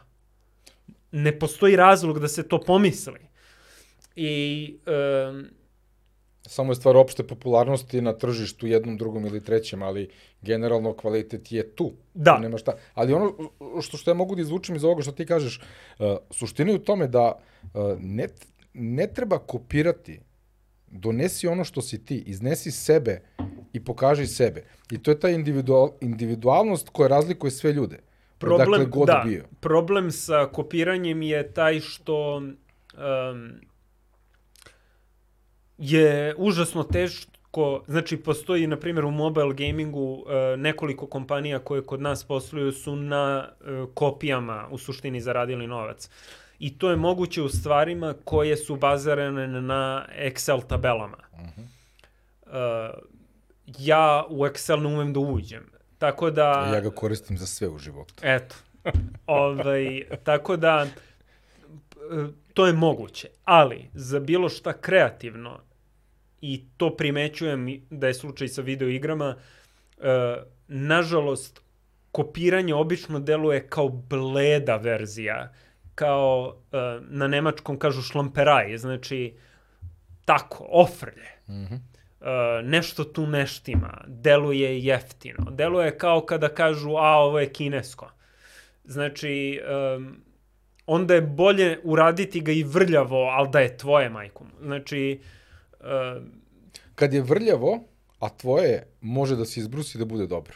Može da se izbrusi, jeste, gde... može da se izbrusi, ali možeš i onda da kažeš vrljavost je sastavni deo moje estetike. Znači, to se stalno radi u savremenoj umetnosti. Znači, da ti recimo nemaš uopšte uh, finansijske ili uh, zanatske uh, uslove i da onda kažeš dobro, ja sam umetnik koji isključivo radi mobilnim telefonom i da od toga napraviš svoju poetiku. Iranska kinematografija je na tome zasnovana. Abbas Kiarostami, koji je umro pre, ne znam, 4-5 godina, je uh, svoj možda najbolji film delimično snimio najobičnijim kamkoderom. I dobio nagradu u Kanu za to. Znači, postoji mogućnost uh, a ako ćemo iz mainstream kulture, uh, uh, Veštica iz Blera je primer tog projekta. Naravno, ljudi će kažu, dobro, to je jedan u milion, ali je to moguće. Uh, produkcija Tilva Roš, našeg filma, mm -hmm. koji je mhm. imao značajan uspeh. Taj film je fantastičan.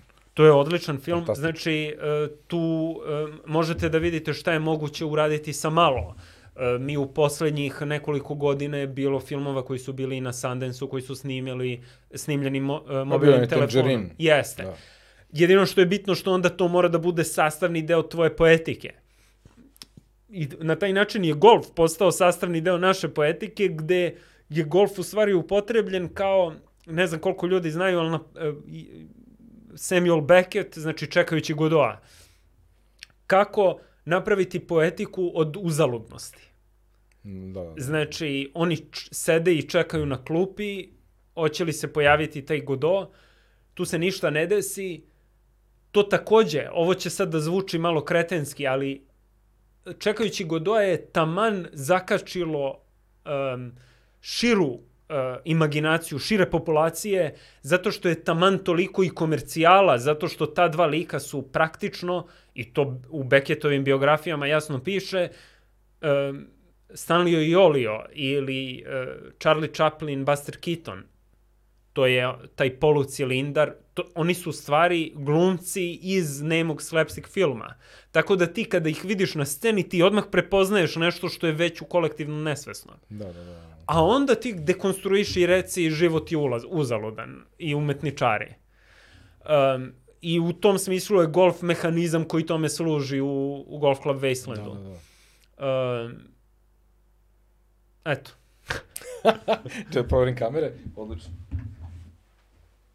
Uh, Golf Club Wasteland, količina priča koju si mi ti ispričao, inspiracija, stvari koje su ubačene, koje sam ja igrajući igru video u natpisima na zidovima, neonskim reklamama, porukama nekim, mm -hmm. narativu koji prati igru, ovaj, e, zaista slika sliku jednog realnog sveta, znači bukvalno taj world building je prisutan i slušajući opet radio, jer pravo iskustvo sa, sa slušalicama da. igrati tu igru, uh, tebi radio emisija, koja, to je radio koji non stop ide, radio Nostalgija sa Marsa, sve vreme ti u stvari pravi atmosferu u kojoj taj tvoj uh, igrač, to jest ti, avatar da. tvoj, postoji. Ovaj, I naravno u tom radiju je neverovat, neverovatno dobro ubačen, inkorporiran faktički prožet uh, muzički moment sa originalnom muzikom, gde je ona, ne znam, tu astronac je ono, kao opšti hit, tako kažu na radio, ali jeste stvarno pesma fantastična, mislim, ona baš je gotivna. A. Ovaj, I uh, sad, skup sve, svih tih pesama koje su ušle u igru, izlazi kao oficijalni soundtrack. Da, mi smo 1. februara objavili uh, album, ima ukupno 25 uh, nazovimo pesama, nešto od toga su zaista uh, muzičke numere, a nešto su te priče ljudi koji žive na Marsu. Uh, traje dva, dva sata.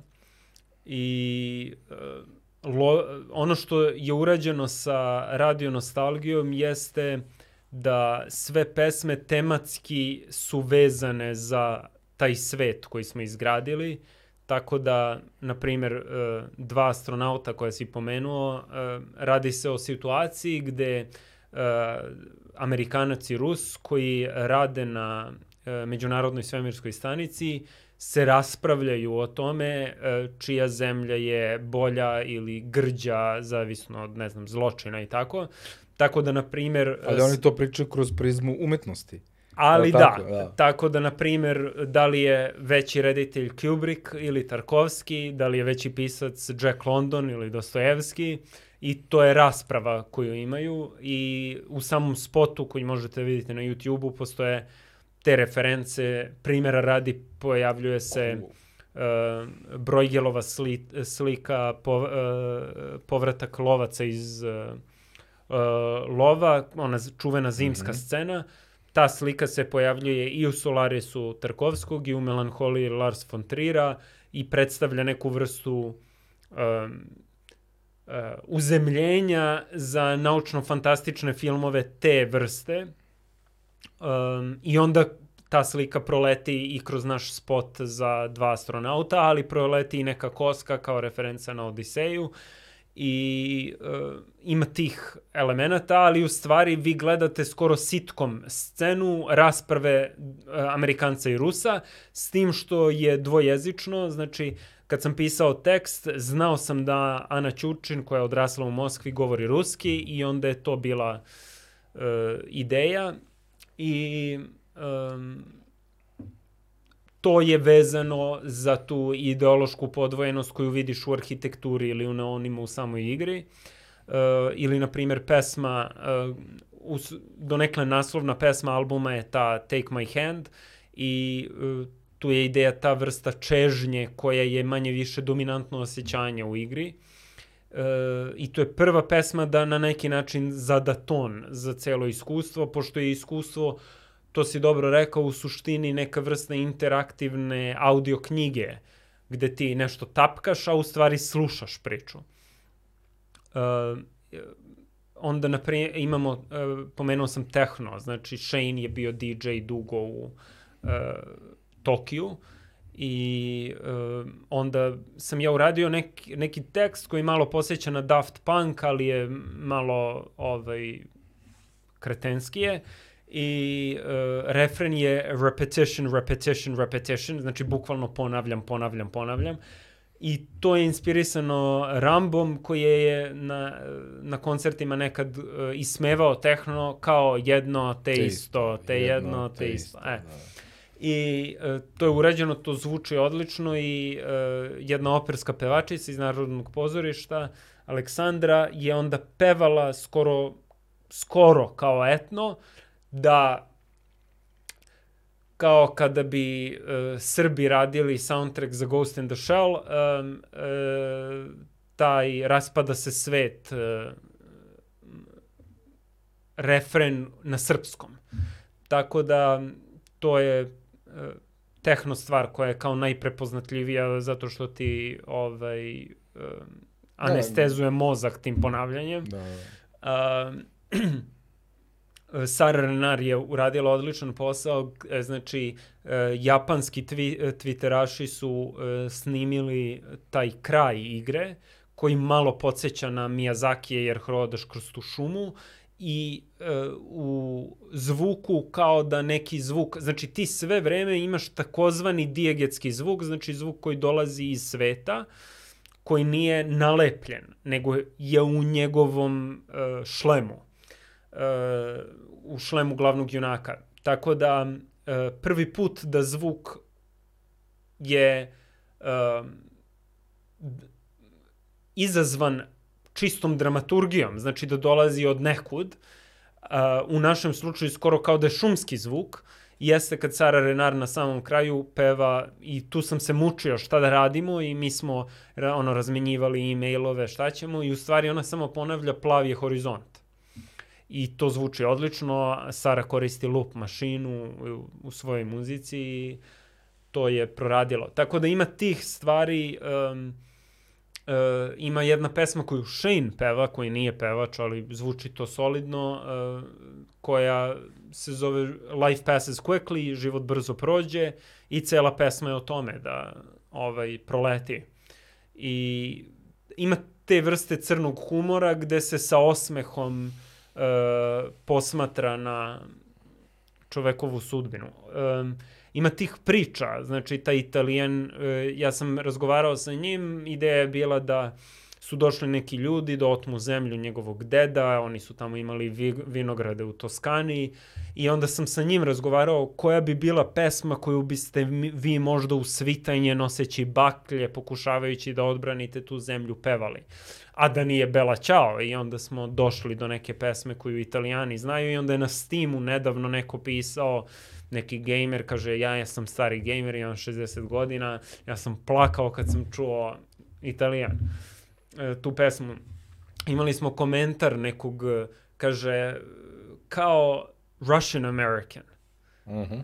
e, ne mogu da verujem da me golf igra dovela do suza. E, Tako da... Ja sam da. na kraju, znači, bukvalno sam, mi se stegla knedla. Da. Na kraju kad on odlučuje da ostane. Da. Jer uh, shvataš šta je to. Fuck, uh, baš je ono, udarac. Mislim, je, gle, narativno to je toliko jednostavno, ali je da. toliko efektno, jer si ti o, o, opčinjen si zvukom, atmosferom, uh, pro, uh, provođenjem vremena sa tim likom kroz tih da. 30 trupa koji si odigrao. Jeste. Vrlo banalna priča, e, vrlo banalan put. Jeste, da. Ali tebi taj put kroz uh, arhitekturu rupa, to jest da.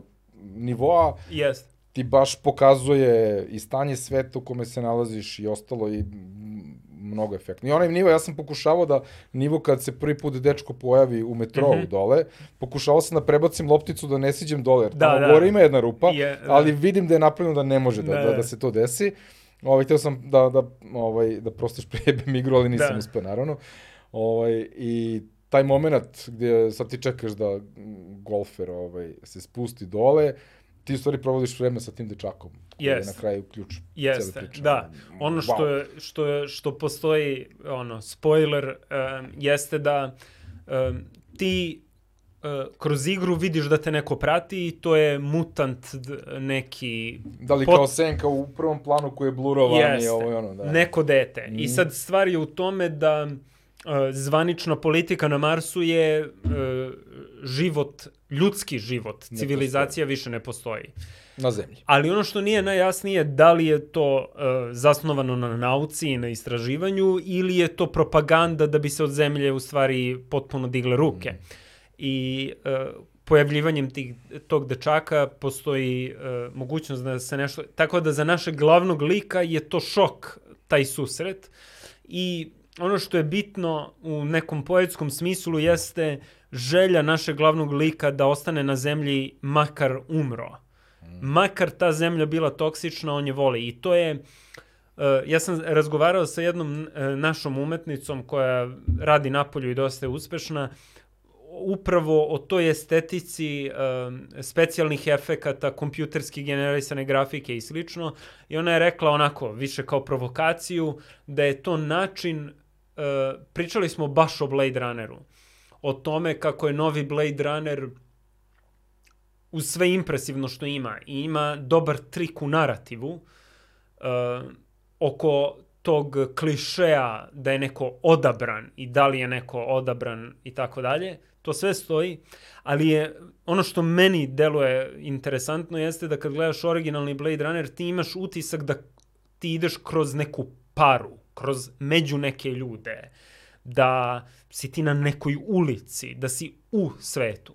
Mm -hmm. Gledajući novi Blade Runner, ti imaš utisak, uz svu genijalnost, naravno, tog eh, čuvenog eh, direktora fotografije, ti imaš utisak da uh, gledaš ljude koji u nekoj TV drami pričaju u Amerikenu ili u širokom mm -hmm. uh, kadru, a da je neka kompjuterska i ono što je absurd, Denis Villeneuve insistira na tome da što manje stvari bude kompjuterske, ali imaš utisak kao da je Procenium kompjuterski dodat i sad snimamo ljude koji časkaju, a kada u originalu Harrison Ford hoda kroz onaj ti si tu. Taj svet je tu. I da. fore u tome e, set dizajneri toga su koristili vrlo rudimentarne um, uh, elemente za građenje. Jeste, te da. scenografije. Mm -hmm. I ta kiša i sve to, to je opet neki backlot, ali uverljivo je. Materijalno dobro, mislim, je. ovaj, uh, uh, kako, reditelj. Ridley, Ridley Scott, Scott da. je sam je rekao, on ima problem kako da od uh, lota mm -hmm studijskog lota yes. napravi nešto što nije lot. Yes. I onda je rekao lots of smoke and mirrors. Yes. I to je I to. Ali I to je ti suština. taj, ali fora je što ali on je sebi dao za pravo da to radi. Ali taj dim ti to, dim osetiš, kamera on ima prođe narativni, kroz dim. narativni element. Jeste. E pa. sad, e, znači, samo šta mi je interesantno jeste... Um, ona je rekla kao provokaciju, umetnica je, može joj se, um, da uprkos tome što se Villeneuve sam opire tome, možete na YouTube-u da vidite njegov razgovor, da li je Variety ili Hollywood Reporter organizovao između njega i Jamesa Camerona. James Cameron se potpuno uh.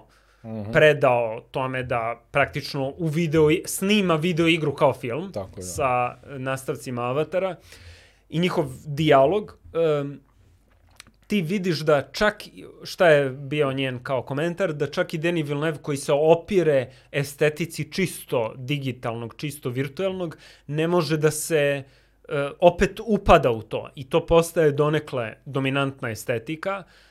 Uh, I provokacija je ta da je to kao da um, savremena industrija zabave nas nesvesno priprema za to da zemlje više nema da se mi pomirimo sa tim da realan život je demode i Zuckerberg vam daje metaverse. Uh -huh. Uh -huh. Nije bitan metaverse, bitno je samo da. taj model mišljenja, ok, evo i sad tokom korone, navikli smo se na digitalnu komunikaciju. I to je interesantna teza um, u, u toliko što kad gradite svet, vi ste već originalni, naročito ukoliko ste u gamingu, ukoliko ne kažete moja polazna tačka nije ovih pet igara koje sam igrao do besvesti igrala uh, i sad od toga gradimo, nego ako kažeš ne, kad smo se igrali školice i kad sam ogulio koleno ili igranje u blatu, pošto je poenta toga igra, na kraju krajeva video igre su igre i onda nije loše poći i od fizičkih igara, poći od realnosti. Ovaj, tako da ne znam kako sam došao dotle, ali jedan od razloga sa osjećanjem ne samo u albumu koji možete da nađete na svim muzičkim platformama, nego i u uh, narativu, to što si rekao na kraju, da se oseti da postoji emotivan kraj. Emotivan kraj je banalan, ali ono što se ispostavlja da nesvesno je čak radikalna ideja je reći makar umro ja želim da prigrlim zemlju, iako su svi nametnuti narativi da je manje više sa zemljom gotovo. Mm. Um, I tu leži, jer ti uzimaš u obzir i bolest, iskašljavanje krvi, svi ti elementi u golf igri, casual golf igri su ubačeni. Ne, me meni zapanjio kraj. I to, I to onda provejava i takođe ta ideja siročeta, um, mislim, te ideje nisu ne znam koliko originalne i eksperimentisanje, uh, ta Akira moment mm. sa mhm. decom, to sve postoji. Ali, eto, njihov susret uh, na kraju ceo usamljenički put koji traje u ovoj verziji koja je izašla na Sony i druge platforme 35 nivoa uh, i album traje 2 sata, a ne uh, sat kao što je bilo na mobile. Uh, na kraju cele ti u stvari više nisi sam. I to je takođe uh, bitno. I sad nastavak, naredna igra koju radimo, u stvari gradi na tome. Da, da, carski, carski. Ovaj, m, ima jedna stvar, baš mi zvuči onako kraftverčarski. Da. Na, ta, na, na, na, na, na, ne, ne znam uopšte tekst kako ide. Kraftwerk kao band postoji kao ogromna referenca i u ovoj pesmi koju sam pomenuo i u raznim pesmama. Znači, Kraftwerk je... Um, Mnogo mi se dopala ta stvar. Ta mi stvar Drago možda naj, najomiljenija da. od, od soundtracka. Moguće da nisam čuo sve pesme, vjerojatno jesam. Ako, ako je soundtrack sat vremena, onda sam verovatno preslušao sve pesme da. ovaj, igrajući igru. Ovaj, ali mi je tam je ostalo onako kao Da, Kraftwerk je velika referenca. Da. da, zato što je to dobar primer um, bio sam na onom koncertu, kra, bio sam na da, dva koncerta i na Exitu i u Areni i Kraftwerk je značajna referenca i ono što sam... Izvini, da. na, na, na Exitu sam gledao. E, da, da. ne, ne, to je... Tako je, tako je. I takođe oni su, njih reprezentuje, dobro, naravno oni su zvezde i tako dalje, reprezentuje jedna galerija iz Berlina, Sprutmagers, i takođe se nalaze u tom uh, uh, na preseku nečega što je praktično umetnički projekat i nečega što je uh, muzika. Muzika kao tako, da. Jer nije klasičan, naravno, dance music. Um, Ali posebno u vreme kad su oni počeli jest. sa stvaranjem te muzike. Jeste. Jer, onako, to je ozbiljan iskorak u odnosu na mainstream i na ono yes. što je što je bilo popularno. I uopšte iznalaženje poetike uh, u tome što je taj tehnološki progres od bicikla u Tour de France do autobana, vitamina mm -hmm. i to razumevanje da se e, dešava neka suštinska promena u tome kako posmatramo šta je čovek. Ovaj, odlično, mislim, soundtrack zaista preporuka svima. Ovaj, ja sam prešao igru, igrao sam mobilnu verziju, koja ima kraći soundtrack u odnosu yes. na full verziju koja je dostupna na Steamu Duplo i na, kraće, da. da, na Steamu i na, na ovaj, konzolama. Uh, tako da definitivno ću probati na PC-u da, da je odigram. Ovaj, a kaže mi sad, uh, jedno je napraviti igru, znači uh, kreativni proces. Ali ono što je, da kažem, deviza ovog podcasta je kako napraviti, uh, istražujemo kako napraviti i objaviti igru mm -hmm. i kako ona da bude uspešna. Uspešnost je posledica rada i spleta okolnosti, ali, okolnosti, ali kako objaviti igru? Znači, na koji način vi pristupate tom, da kažem, problemu ovaj, objavljivanja igre? To je ozbiljan deo posla, jer ti si nešto napravio, a sad svet to treba da vidi. Kako ste vi to rešili? E, kada je izašao na mobilu, mi smo imali na, bili smo na naslovnoj App Store-a sa Golf Club Wastelandom, Kako, to je... Kako? Organski ili je to bilo... Tako što sam dogovorim? otišao u San Francisco i sreo sa likom koji okay. piše za naslovnu App Store. Ali je stvar u tome da to je imalo manje efekta mm -hmm. u prodaji nego sad kada je igra ponovo izdašla i prosto izdavač koji je novoosnovan izdavač uh, je imao kontakte i kaže evo IGN, evo, da izađe, na primjer, na Sonyevom kanalu trailer, da izađe mm. na Nintendovom. Nisu to, ne znam, nedostižne stvari i drugi timovi su imali te, ali kome ću ja da se javim, ja ne. Tako da, u tom smislu izdavač, ukoliko je normalan i ukoliko nađete dobrog izdavača, je dobra, uh, dobar potez. Uh, treba samo voditi računa da vam neko ko se u to razume prođete ugovore i da učestvuje u pregovorima. Zato što neke stvari koje vam ne padaju na pamet treba tražiti i treba da stoje decidirano u ugovoru. Primjera radi da će se bave marketingom ili um, koji je odnos procenata. Sve zavisi ako ste vi igru sami svojim kapitalom uh, dogurali daleko. Možda procenti mogu da budu drugačiji od onoga uh, što oni prvo prezentuju. Sama činjenica da ste dobili uh, mesto za stolom za razgovor nije, ne znači da sad treba sve da potpišete. Uh, znači, tu je moj savet, neka vrsta opreznosti, razgovora sa drugima, uh, biti pametan oko poslovnog dela, a ne samo reći, a ne, dobio sam šansu. Zašto? Zato što može da se desi uh, vi morate da razumete da izdavači rade na puno igara paralelno. U nekom trenutku oni mogu kažu, pa dobro, ovo se nama više ne sviđa. I šta ćete onda ukoliko su recimo ljudi napustili svoje poslove i došli u firmu da rade to full time. Um, tako da više pamet u glavu, to je savet. Da. I, a nije nemoguće doći do svih tih izdavača, mnogi imaju otvorene uh, Da, generalno kad, kad je u pitanju ono moment pregovaranja, ugovora, administracije i toga, e, ljudi ne mogu da sad kažem gaming industrija, ali generalno ovaj, nekako srpski mentalitet je da ma kao, ja ću to sam, ne, ne, ne, što ja plaćam nekoga da angažujem. U stvari treba platiti čoveka zato što ti novcem koji plaćaš kupuješ iskustvo nečije.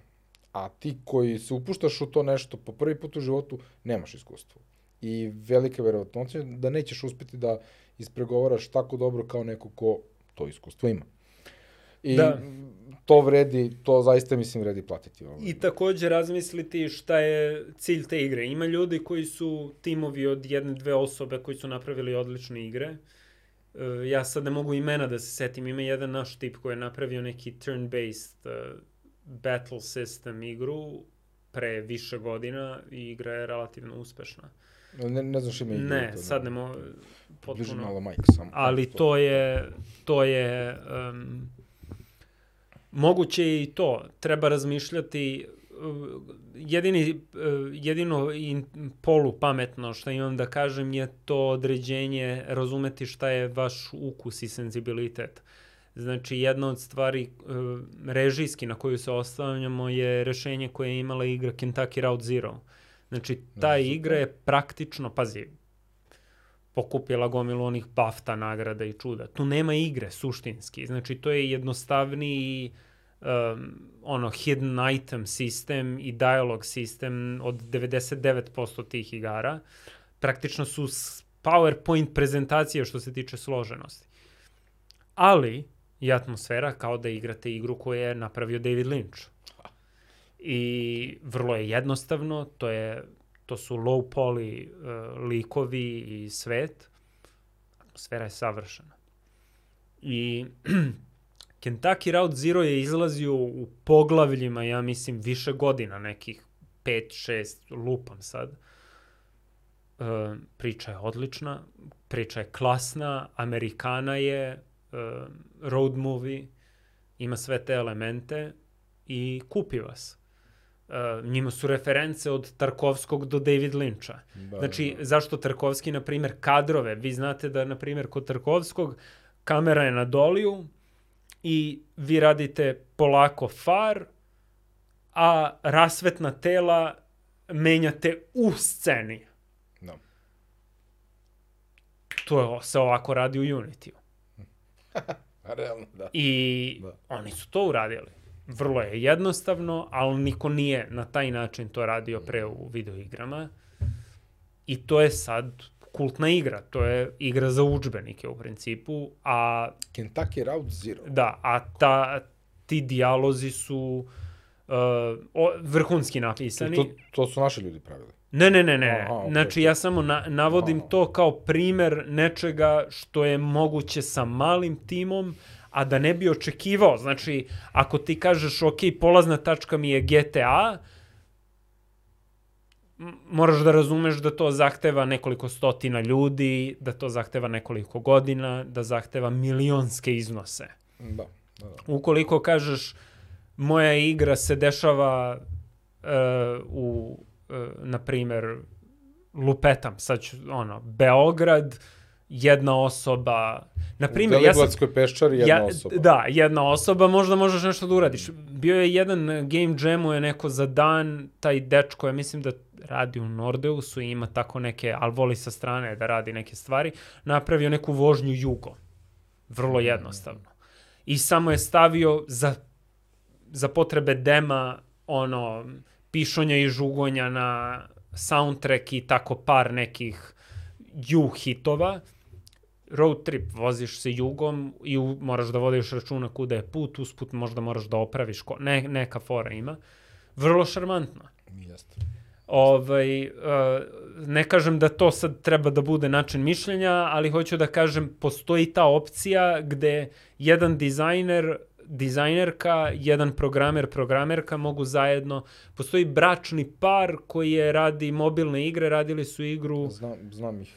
Ne, ne, neku kao Three Burly Men at Sea ili nisu, tako nisu, nešto nisu se zove. Nisu u podcast, zato što su još uvijek onako... A ne, ja pričam o nekim, ja mislim su iz Kalifornije ili tako nešto. kod nas bračni par koji pravi bolje. mobilne igre. Da, da. Aha. Ove, ali možda će jednog dana doći, ali, ali veliko, znači, ono, jaka priča. Znači, postoje te, te no. mogućnosti za ljude koji su više umetnički naklonjeni, za ljudi koji su naklonjeni više tome da grade kompaniju koja će da radi dugo i tako dalje, treba videti gde su snage, da li su snage kao Scorn u detaljnoj grafici, u production dizajnu, tako da nekome poput velikih igrača odgovara da kada izbaci novu konzolu kaže evo vidite mi možemo da imamo 4K, 8K, 500.000K da. e, grafiku ili ho, radite na, po sistemu, ne, mi možemo potpuno originalan gameplay koji niko u životu nikad nije video da smislimo, kao što je, na primjer,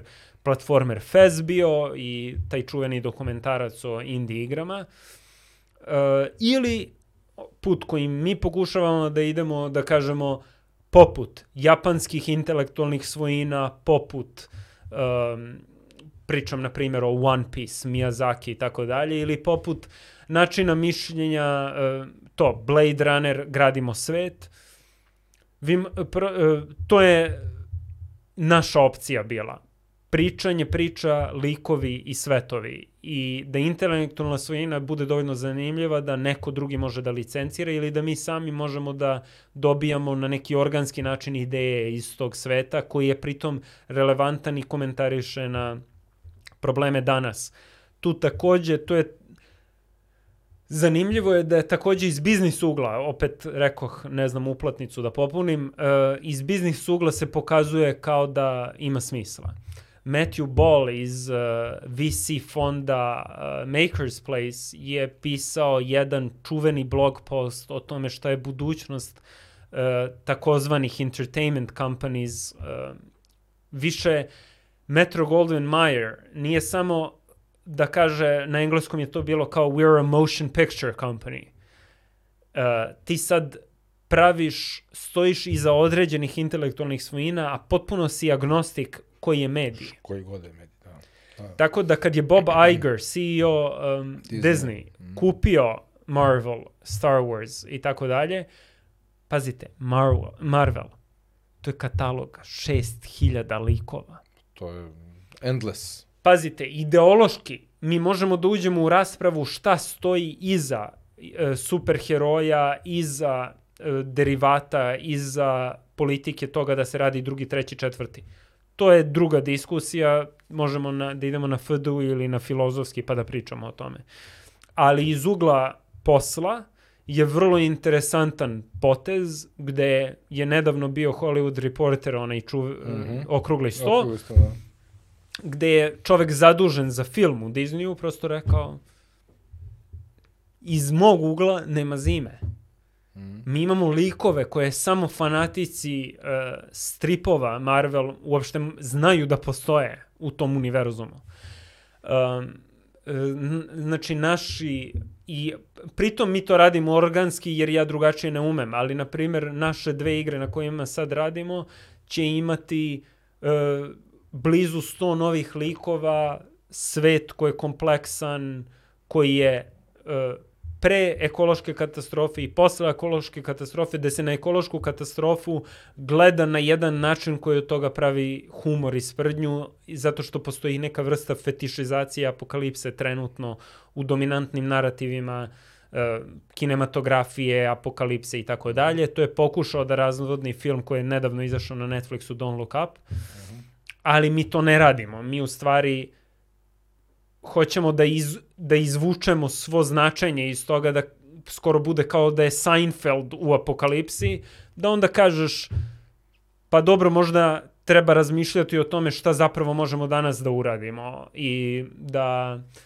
uh, neka vrsta kontre, mi čak u, u radijskom programu, cela poenta radijskog programa je da ljudi, jeste on u budućnosti, ali ljudi dele sećenja o današnjeci. Tako je, tako je, tako je. Da ti, recimo, na primjer, ti si otac i sad igraš se sa klincem, idete negde na izlet. To je danas i ako ja tebe stavim u poziciju da o tome razmišljaš, kao da je to danas nemoguće, zato što je, na primjer, zagađen vazduh, kao što jeste, ti onda iz druge perspektive posmatraš svoj život danas, daj nešto s tim da uradim, daj da i, s, e, imam sveži pogled na to da živim danas, a ne u nekoj... E, u tom smislu je vrlo konstruktivan e, naš odnos. Nije ta vrsta, to zovu apocalypse porn. Mm -hmm. Da, apocalypse porn Apokalipsa treba da bude uh, inicijalna kapisla koja će da utiče na naše likove koje pratimo i da im da dozu prepreke, ali ne da bude suština jeste, onoga jeste. o čemu se priča. Da. I ajde tu negde da poentiram da za nas iz ugla posla je dobro što se poklopila moja intuicija koja je u suštini i naša kolektivna intuicija u principu imamo uh, postoji domaćinska atmosfera u Demagog studiju. Mi smo prijatelji, mnogi od nas se znamo ono 18-20 godina unazad. Sarsi. Tako da tu nema mi se nema bolje laži, nema prevare. bolje poznajemo nego što nas najbliži poznaju. Da. Tako da e, ljudi koji dolaze takođe su određenog profila, imaju određeni senzibilitet, temperament to, mislim, nemam savet, ali ne, nemojte da budete kreten u međuljudskim odnosima, to je onako dobra da, životna da, da, deviza. Da, da, da. Ovaj, u svakom slučaju, um, dobro je što se, su se te dve stvari poklopile, postoje razni razlozi. Jedan je tehnološki razvoj, pa je moguće u više medija stvarati. Uh, I to što smo držali predavanja, nismo imali veze sa tim šta pričamo o transmediji, to je u stvari to. Znači, gradimo svet i sad mi bismo voleli da uradimo seriju, recimo, mm. na bazi toga i čekamo tu priliku. Trenutno radimo video igru ovaj, i radimo u stvari tri video igre u okviru iste intelektualne svojine. I iz čisto nije da razmišljamo na taj način, ali je dobro što se poklapa uh, iz ugla posla, mi u stvari smo u situaciji da uh, gradimo intelektualnu svojinu koja svakim novim projektom raste u vrednosti jača, i time je. raste u vrednost naše ne izmi, kompanije. Ne izmišljate vodu svaki put. Da. E, ne izmišljate da. toplu vodu sa svakim novim projektom, yes. nego se krećete u tom svetu. Da, to je, to je realno transmedija, ja ne znam, meni je to toliko prirodno i normalno. Da Danas ja ne znam, je to prirodno, Ja ne znam kako da. neko može da radi drugačije od toga. Ove, ali dobro, to sam opet ja, pa, no, nebitno. Ove, da, odlična priča. Pazi, pošto ti ne igraš igre, ne mogu te pitan koji ti je omiljena igra, ali mogu te pitan koji ti je omiljen film. Ako to što može se pitati, pošto je to vrlo da, kompleksno a, pitanje. Ako, ako bismo do, krenuli sa filmom, onda ovaj, ono, ćemo ostati... Loptu, do pet ujutro da. ovaj, ovde. Tri, tri filma, tri omiljena filma. Ono što, da. e, mogu ne samo da pomenem što se tiče video igara, da. reference za nas su bile recimo Monument Valley zato što smo tad imali taj mobile. Međutim, e, tu je Mašinarium, odličan primjer kako, pazite, to je poljska škola animacije mm -hmm. koja je postojala unazad decenijama. Ta estetika, uh, filmski posteri, poljski i češki, poljski, češki, jugoslovenski, emigran, jugoslovenski emigranti koji su radili, na primjer, za New York Times karikature, političke karikature.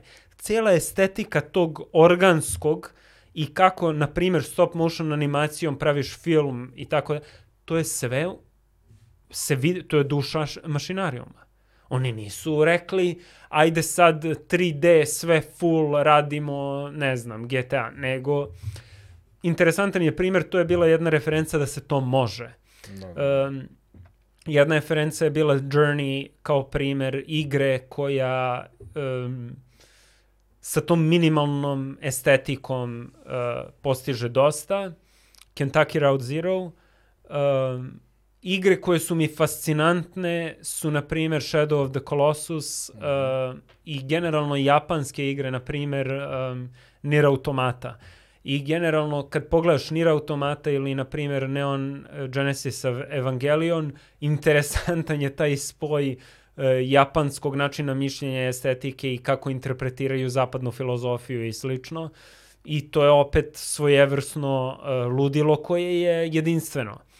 Um, to je nešto kao oko igara što mogu kao da podelim, mada zaista sam sramotno slabo obrazovan. E, takođe Limbo, Inside su primeri platformera koji su nam referentni, rane Sega igre, jedna od naših deviza je pošto nemamo, ne znam, genijalnog game dizajnera, ovaj, zaposlili smo level dizajnera Nikolu koji se pokazao odlično, pre toga je radio reviews, dobro je takođe imati malo vere u ljude i videti kako se uklope u tim, dati im malo vremena i tako. To, to je jako bitno. Da. Um, I uh, on se pokazao odlično i sad, na primer, uh, dobar je, uh, ali ajde da kažemo, ja ne dolazim, moj način mišljenja je šta bi bio dobar film i onda mi to prevodimo u video igru, što ima svoje mane, ima i prednosti, jer ne pravimo derivate drugih igara jer ih i ne znam. Da, da, da. Uh, ali uh, jedna od stvari je, uh, na primer, su bili Limbo Inside, gde imaš dobar primer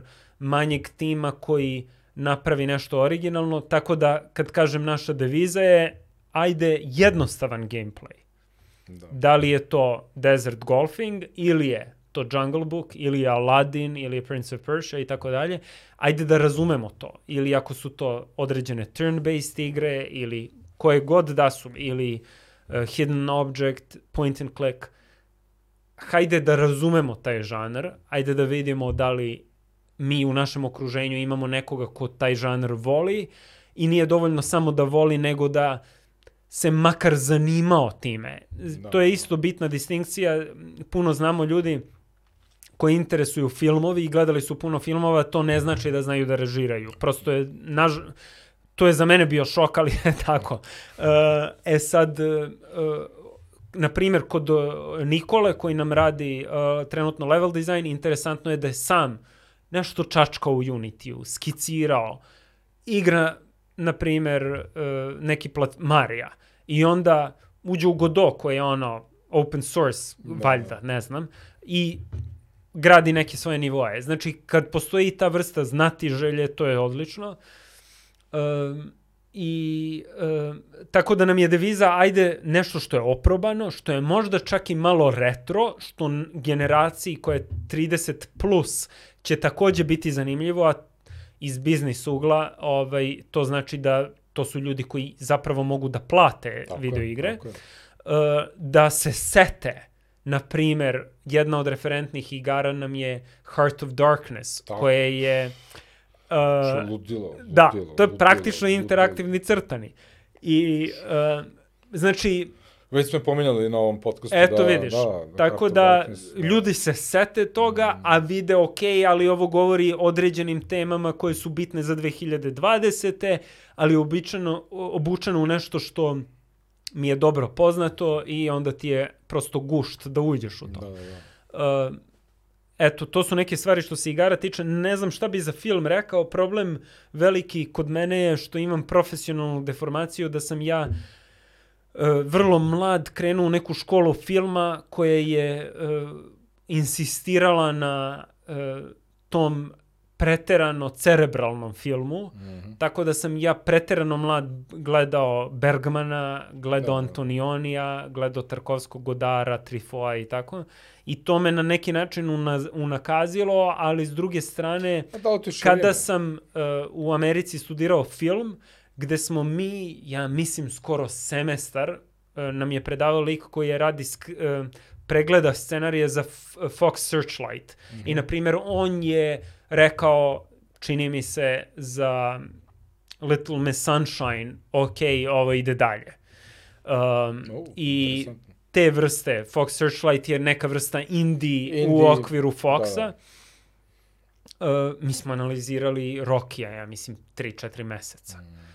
I uh, tako da za mene je bitan, ne znam šta bih pomenuo od filmova, ono što mogu da kažem, vrlo je uzbudljivo danas šta se dešava. Za mene je otvorio nešto uh, reditelj Steve McQueen. Zašto? Zato što je on sve do skoro 40. godine bio u video umetnik i radio je u sferi uh, savremene umetnosti gde ja radim. Mene reprezentuje galerija u Nemačkoj i time se bavim. Ali i radio video radove koji pff, da li su dobri ili nisu, to je stvar za diskusiju. Da. Međutim, onda je snimio film Glad, Hunger. Mm -hmm otkrio Michaela Fassbendera, snimio remek delo. Ti imaš da. kadar, jedan kadar koji traje, ne znam, 20 minuta, koji obično, kad to ljudi kažu ja hoću dug kadar, znači da ne znaju šta, ne šta hoće, hoće i da, da, misle da je to. Kod njega to radi. Zašto? Mm. Zato što je moralna dilema između sveštenika i Bobby Sandza da li, on, da li je o, u redu da on ide na štrajk glađu. Mm. I e, to je toliko fenomenalno male stvari kako čuvari u zatvoru samo brišu pišačku zatvorenika. To ti govori sve, to je jedan kadar. Razlog što je on u stanju da snimi taj kadar je zato što je imao tu slobodu koju je preneo iz vizualnih umetnosti i da je sve moguće. Ali imao tu vrstu samokontrole i razumevanja zanata i okružio se ljudima koji razumeju zanat da to izvede u filmu Glad. To mi je reklo, ok, Zašto bi se ja ograničio? Može i vizualna umetnost, može i kinematografija, mogu i video igre. Dobro, da, Hunger je, mislim, fantastičan primjer, ono, teškog filma, mislim, film je da. težina života. Ovaj... Ali pazi, to mu je debitanski film. Čud, ludilo, da. I što kažeš, Michael Fassbender u toj iluziji onako, mislim, ti si tamo s njim, ne, nema yes. tu, nema tu, nema tu glume, nema tu reži, nema tu montaže, to jednostavno je to tako isprepleteno da, mislim, to ono što volim da kažem, ti iz, ne znam, filma Martina Scorsese ne možeš ništa da naučiš, jer je sve tako upeglano da ti nit vidiš glumu, nit vidiš montažu, da. nit vidiš režiju, ništa. To samo teče. Ovaj, uči se na lošim filmovima. Mm. Ovaj, da. Yes. Ovaj, a dobro, da, to je jedan primjer. Ali... Naveo sam taj da. primjer da. prosto, ovaj... Mislim, ne znam, zato pitati je koji ti omiljen film, to je glupost. Ne, ne, mislim, to, ne, to ne mogu, neću To ne može niko da kaže, pa da, ne, nema ali, smisla, da. hoću da kažem... Ali dobro, dao taj... si lepu, lepu informaciju o igrama, to mi je top, ali... Da, izvoli. taj proces mi je interesantan i on kao fenomen je zanimljiv fenomen za proučiti, jer je došao do uopšte sad nemam nameru da ulazim u uh, kvalitet tog filma, ali došao je do toga da uh, Brad Pitt kaže u redu, radimo 12 godina ropstva i imaš platformu veliku. Izvoli. Da. Izvoli. Um, tako da, to mi je zanimljiv primer. Danas je fascinantno šta se dešava sa serijama i n, ajde neću, mislim da vredi pogledati, na primjer, uh, Fleabag, uh, ta devojka Vidiš, ona je godinama, da, da, da pogledaj, ona je godinama radila sam čuo, ali... praktično monodramu i dobila je neku nagradu na Edimburgu, to je čuveni festival u Edimburgu, uh, za tu monodramu i rekla je daj možda ovo može bude serija.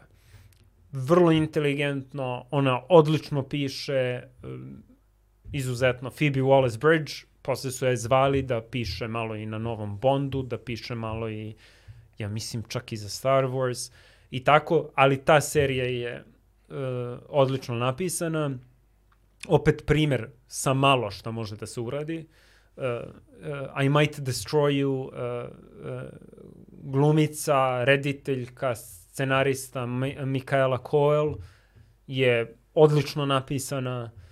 Um, ja mislim da to je HBO. Um, tako da ima tih primera. Uh, This is the end of the fucking world. To je mm. Netflix. Mm. To je ekranizacija graphic novele. Uh, samo dve sezone, isto odlično napisano. Um, Tako da ima tih nekih primjera. Ono što ja volim je, na primjer, um, serija Mladi papa i Novi papa, Paula mm -hmm. Sorrentina. Ja to nisam gledao, baš sam skoro pričao sa drugarima na tom, bili, su fazon, nisi gledao? Rekao, nisam stigao od svega što gledam, pa pogledat ću Pazite, to, ali stoji mi. No, to je ovaj, opet neka pouka za ovo što sam pričao. Iskakanje pa, iz kalupa. Da, pazi. Mm. Italijan je doveo Hollywood u Rim, da snimaju najitalijanskiju moguću stvar katoličanstva. Mm.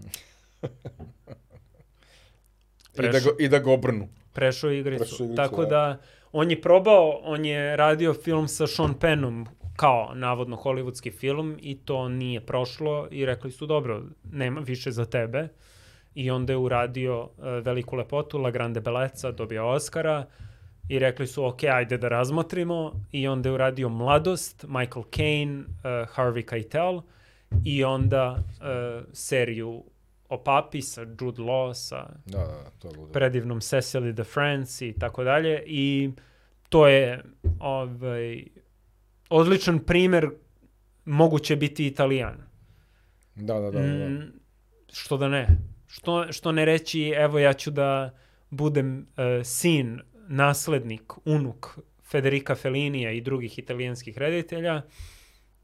I sad na ovoj novoj globalnoj sceni uh, ću to nekako da, taj senzibilitet napuljski, da, da, da. ću nekako da uh, prezentujem. Eto, to su neke ideje, nemam, to trenutno mi se negde mota po glavi, pa... A da, da li si možda zakačio na Netflixu Liberator seriju, crtana serija? To jest nije crtana, korišćena specijalna specijalno. Nisam. Drugačija malo tehnologija. Da. Uh, to je čovjek, zaboravio sam ime autora, koji je napisao knjigu jako davno i, uh, mislim jako davno, tipa pre deseta godina i godinama je pokušavao da nađe uh, financije da snimi film, niko nije to hteo da snimi jer je uh, mala priča, a dešava se u jako velikom okruženju u drugom svetskom ratu. A mm -hmm. prati priču jednog čoveka kako je on od redova došao do opet tamo nekog statusa. I prati uh, jedinicu odbačenih ljudi sa margine američkog društva koji su ala 12 žigosani koji su bili da. nekim pritvorima vamo tamo ovaj koji su na kraju herojski ovaj dali svoje živote da da urade pravu stvar. Mm -hmm. To je invazija in, in, to je iskrcavanje na Italiju. Znači taj taj e, teatar znači oni s juga Italije idu gore na sever i muka tog jednog voda kako će oni da se da se snađu. Uh, fantastično urađeno. Na prvo gledam, mislim da ima četiri epizode samo. To je urađena kombinacija, pošto on nije mogo da nađe finansiranje za, mm -hmm. za mm -hmm. tako megalomanski projekat, uh, onda se on uh, uspeo da napravi uh, povezao se, ne znam sad već uh, u detalje priču, povezao se sa ekipom koja radi neku vrstu, nije rotoskopija, ali uh, oni snimaju žive glumce u, na green screenu ili u mm -hmm. studiju I onda se posle sve crta, uh, animira se u backgroundu i onda se ti glumci dodatno animiraju. Stepko, naš art direktor mi je pokazivao kadrove toga, ako se ja ne veram, čak je jedan naš studio učestvovao u izradi toga. To ne znam, da, to ne znam. Ja mislim, da. U stvari, ne, izvini, ne, da ne znam, mislim da znam, ali nisam da, da, da. Ovaj, to to. U, u svakom slučaju, ne, jeste, zato što znam preko drugara, jeste. Jeste, jeste, znam, to, znam tačno šta je. Primer, mislim da, da je primer studiju radi, ne znam koji, neki od njih, nebitno. Uh, suština je u tome što je nađen, uh, našli su kreativno rešenje da reše jedan nepremostiv problem, a to je lova. Da. Ko će da snimi spasavanje redova rana. Da, da. Znači, ovo je taj level prezentacije. Da. Ovaj, I uh, na prvu loptu sam, ja sam vidio to, iskakalo mi u, u mm -hmm. recommendationsu na Netflixu, bio sam ono na što liči, znaš, pustim klip i kao majak. I prva epizoda baš mi je bilo čudno prvih desetak mm -hmm. minuta da to gledam, jer onako malo te izbacujete iz sveta, zato što navik, navikao sam ili gledam animaciju ili gledam uh, sliku, a ovo je da. između, ali trebalo mi možda jedno 10 minuta da uđem u fazu i kad sam ušao u fazu, kad su se čula, čula navikla, uh, ovako, i priča je fantastična. Mm -hmm. Ovo, je onako Pogledat mala ću, priča da. malom čoveku u jednom velikom ratu. Tako bih ja to recimo da, što se, predstavio, ali... Što se tiče Netflixa, uh, Bojack Horseman je mm -hmm. odlično napisan. Um, ima neke scene koje su potpuno sulude. Uh, Ricky Morty, Dobro, to je da, zanimljiv Harman, da. fenomen generalno, zato što je praktično sve meta. Da. I ostaje na meta nivou i scenarista je zaista Jeste. On zna šta radi. Mm. Ove, ovaj, da, tako da zanimljiv je fenomen, na primer, uh, kad smo kod transmedije i tih stvari, uh, Love, Death, Robots, znači Omnibus, gde ti možeš da kažeš, ok, radimo epizode od po mm. 5 do 10 minuta, da, ne moraju da imaju vezu. Su sve super kratki. Da. da. Ove, ovaj, tako da postoji široko je polje mm. i treba... Pa dobro, Black Mirror, na primjer, to, to je Omnibus... Charlie Brooker je, je radio godinama uh, zajedno, čak i sa Adam Curtis, koji je onako kontroverzni politički dokumentarista, taj godišnji kao presek šta se dešavalo u prethodnoj godini i to je onako humoristički i on je bio neka vrsta humoriste političkog uh, komentatora.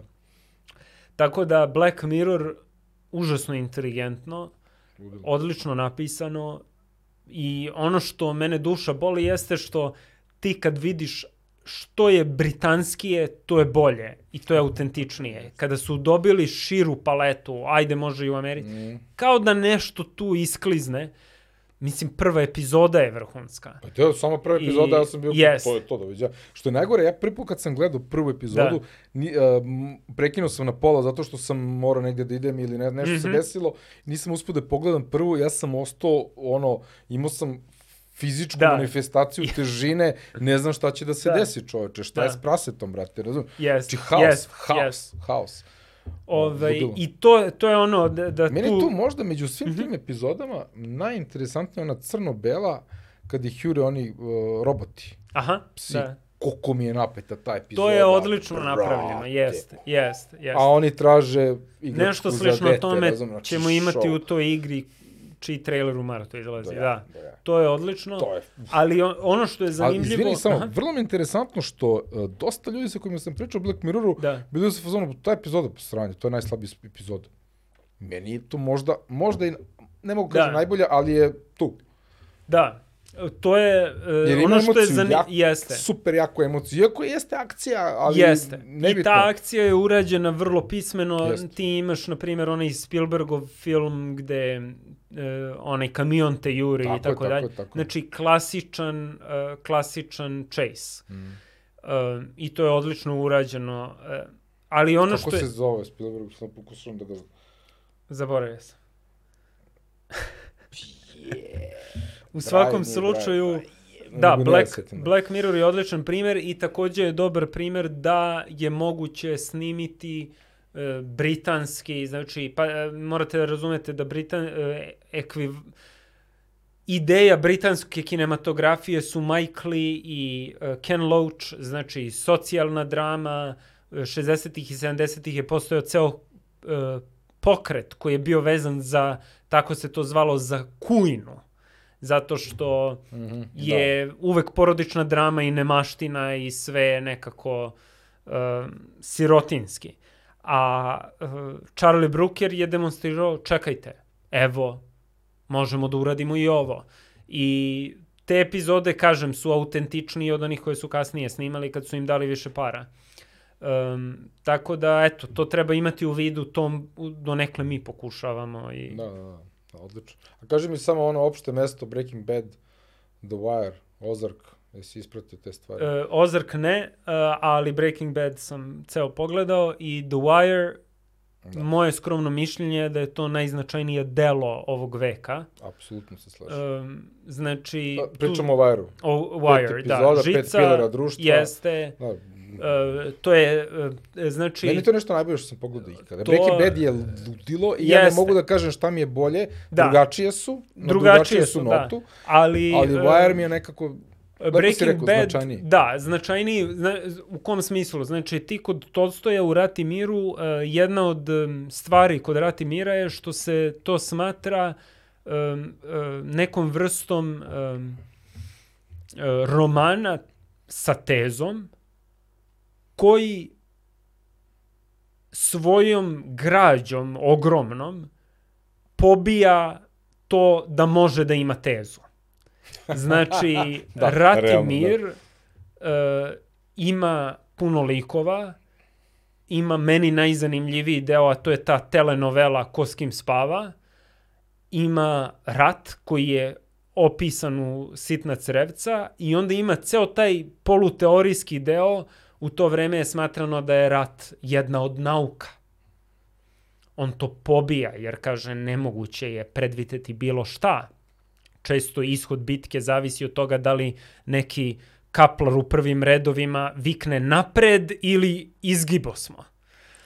Ako je, znači, vrlo je razumeo šta je problematika tih velikih istorijskih narativa gde neko poput Napoleona je navodno predodređen i on u Hegelovskom smislu donosi nam istoriju, mm. donosi nam, on je otelotvorenje duha istorije. Yes, yes, of course, e, da. u tom smislu je ta cela građa Tolstoja impozna. Ovo je to. Znači, ti radiš sociološku studiju, poznaješ to iznutra, jer uh, David Simon je bio On je na terenu. Da.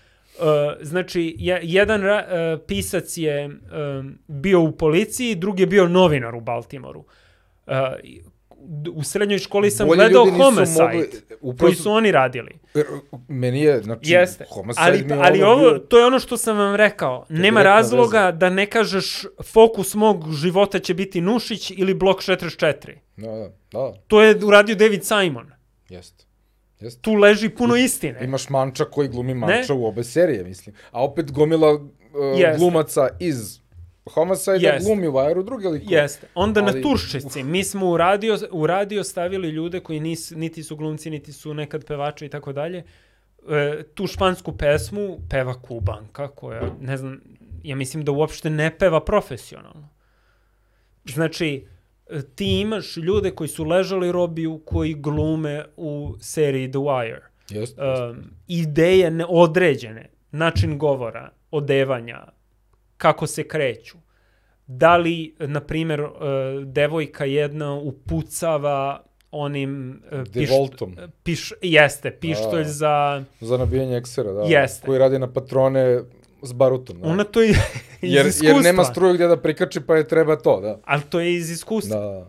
Toliko David Simon ne može da dobaci iz čiste ne, da, imaginacije. Da. Realan znači, život je teško nekada jeste. smisliti... Život piše da, romane. Život Tako piše. da, um, The Wire je, naj, po mom skromnom mišljenju, najznačajnije delo ovog veka.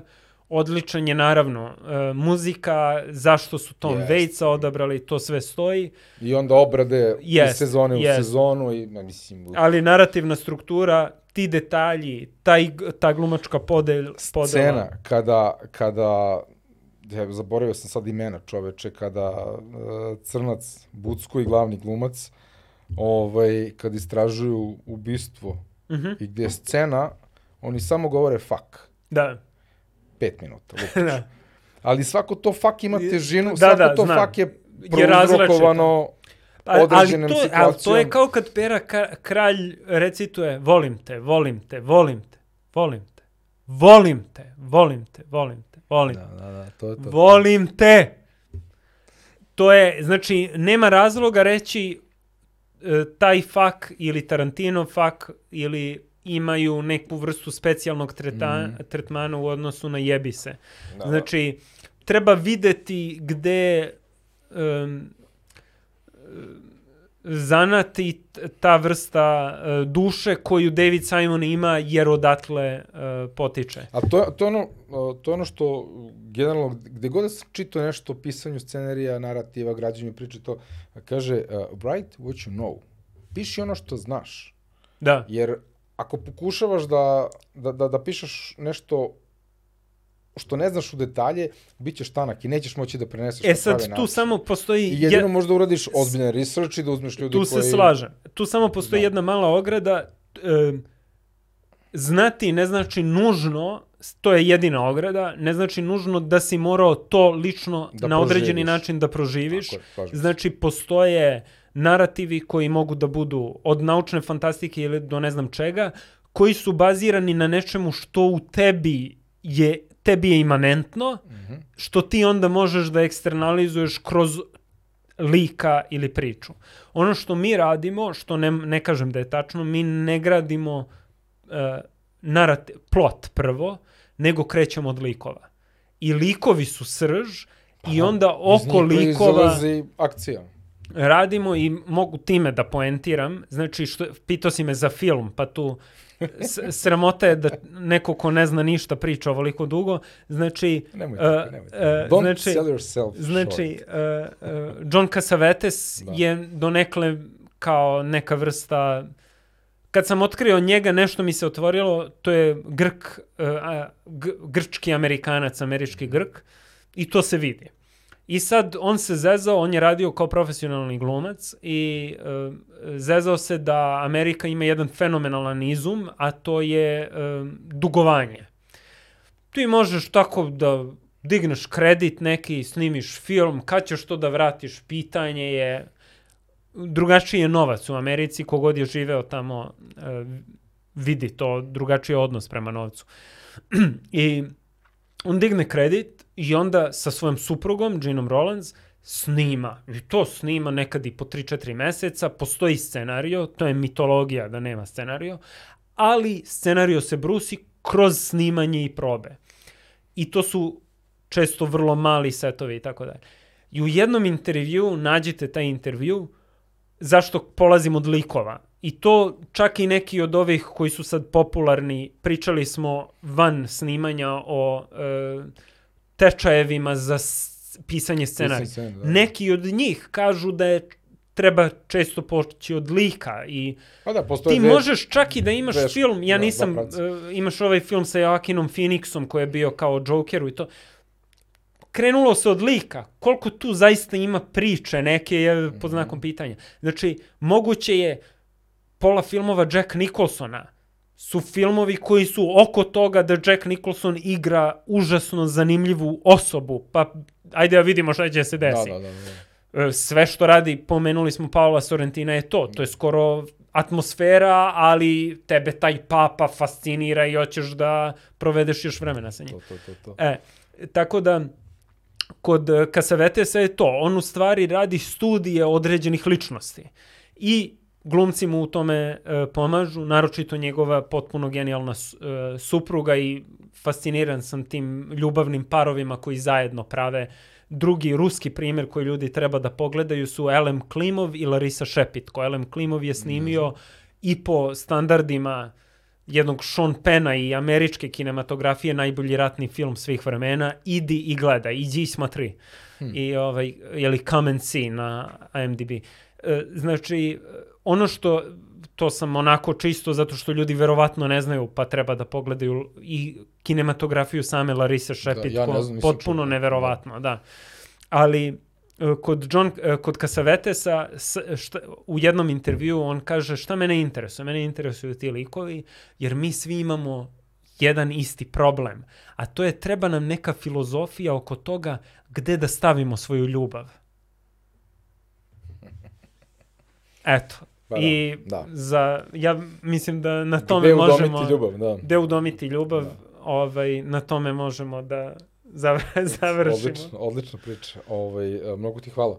Hvala tebi. Bio super razgovor. Ovaj, ba, m, mislim, da, koliko što još ja sam film geek, mislim, volim da pričam o tome, mogu da sutra, ovaj, a, a, iako ovaj podcast ovaj, o igrama, ali ključ u tome što a, mi vidimo odakle potiče tvoja inspiracija i na koji način si ti, ti svoju inspiraciju, znanje, ljubav usmerio, to su video igre. gde ti ne posmatraš video igre kao gamer, nego kao izraz nekog tvog umetničkog naboja koji želiš da prikažeš kroz ovu formu. Da. Što je meni ono veliki respekt. Uh, hvala ti. Hvala ruke, tebi. Čekaj, baci to, e, to. Ja se započinu. izvinjavam gledalcima što je ovo trajalo, ali... Uh, Treba da le, leka, sat vremena, ali tako? Le, leka mi je dao pivo, pa je ovo trajalo duže, tako da, eto, hvala vam. To, to. Hvala, čujemo se, Rati, Ćao. Ćao.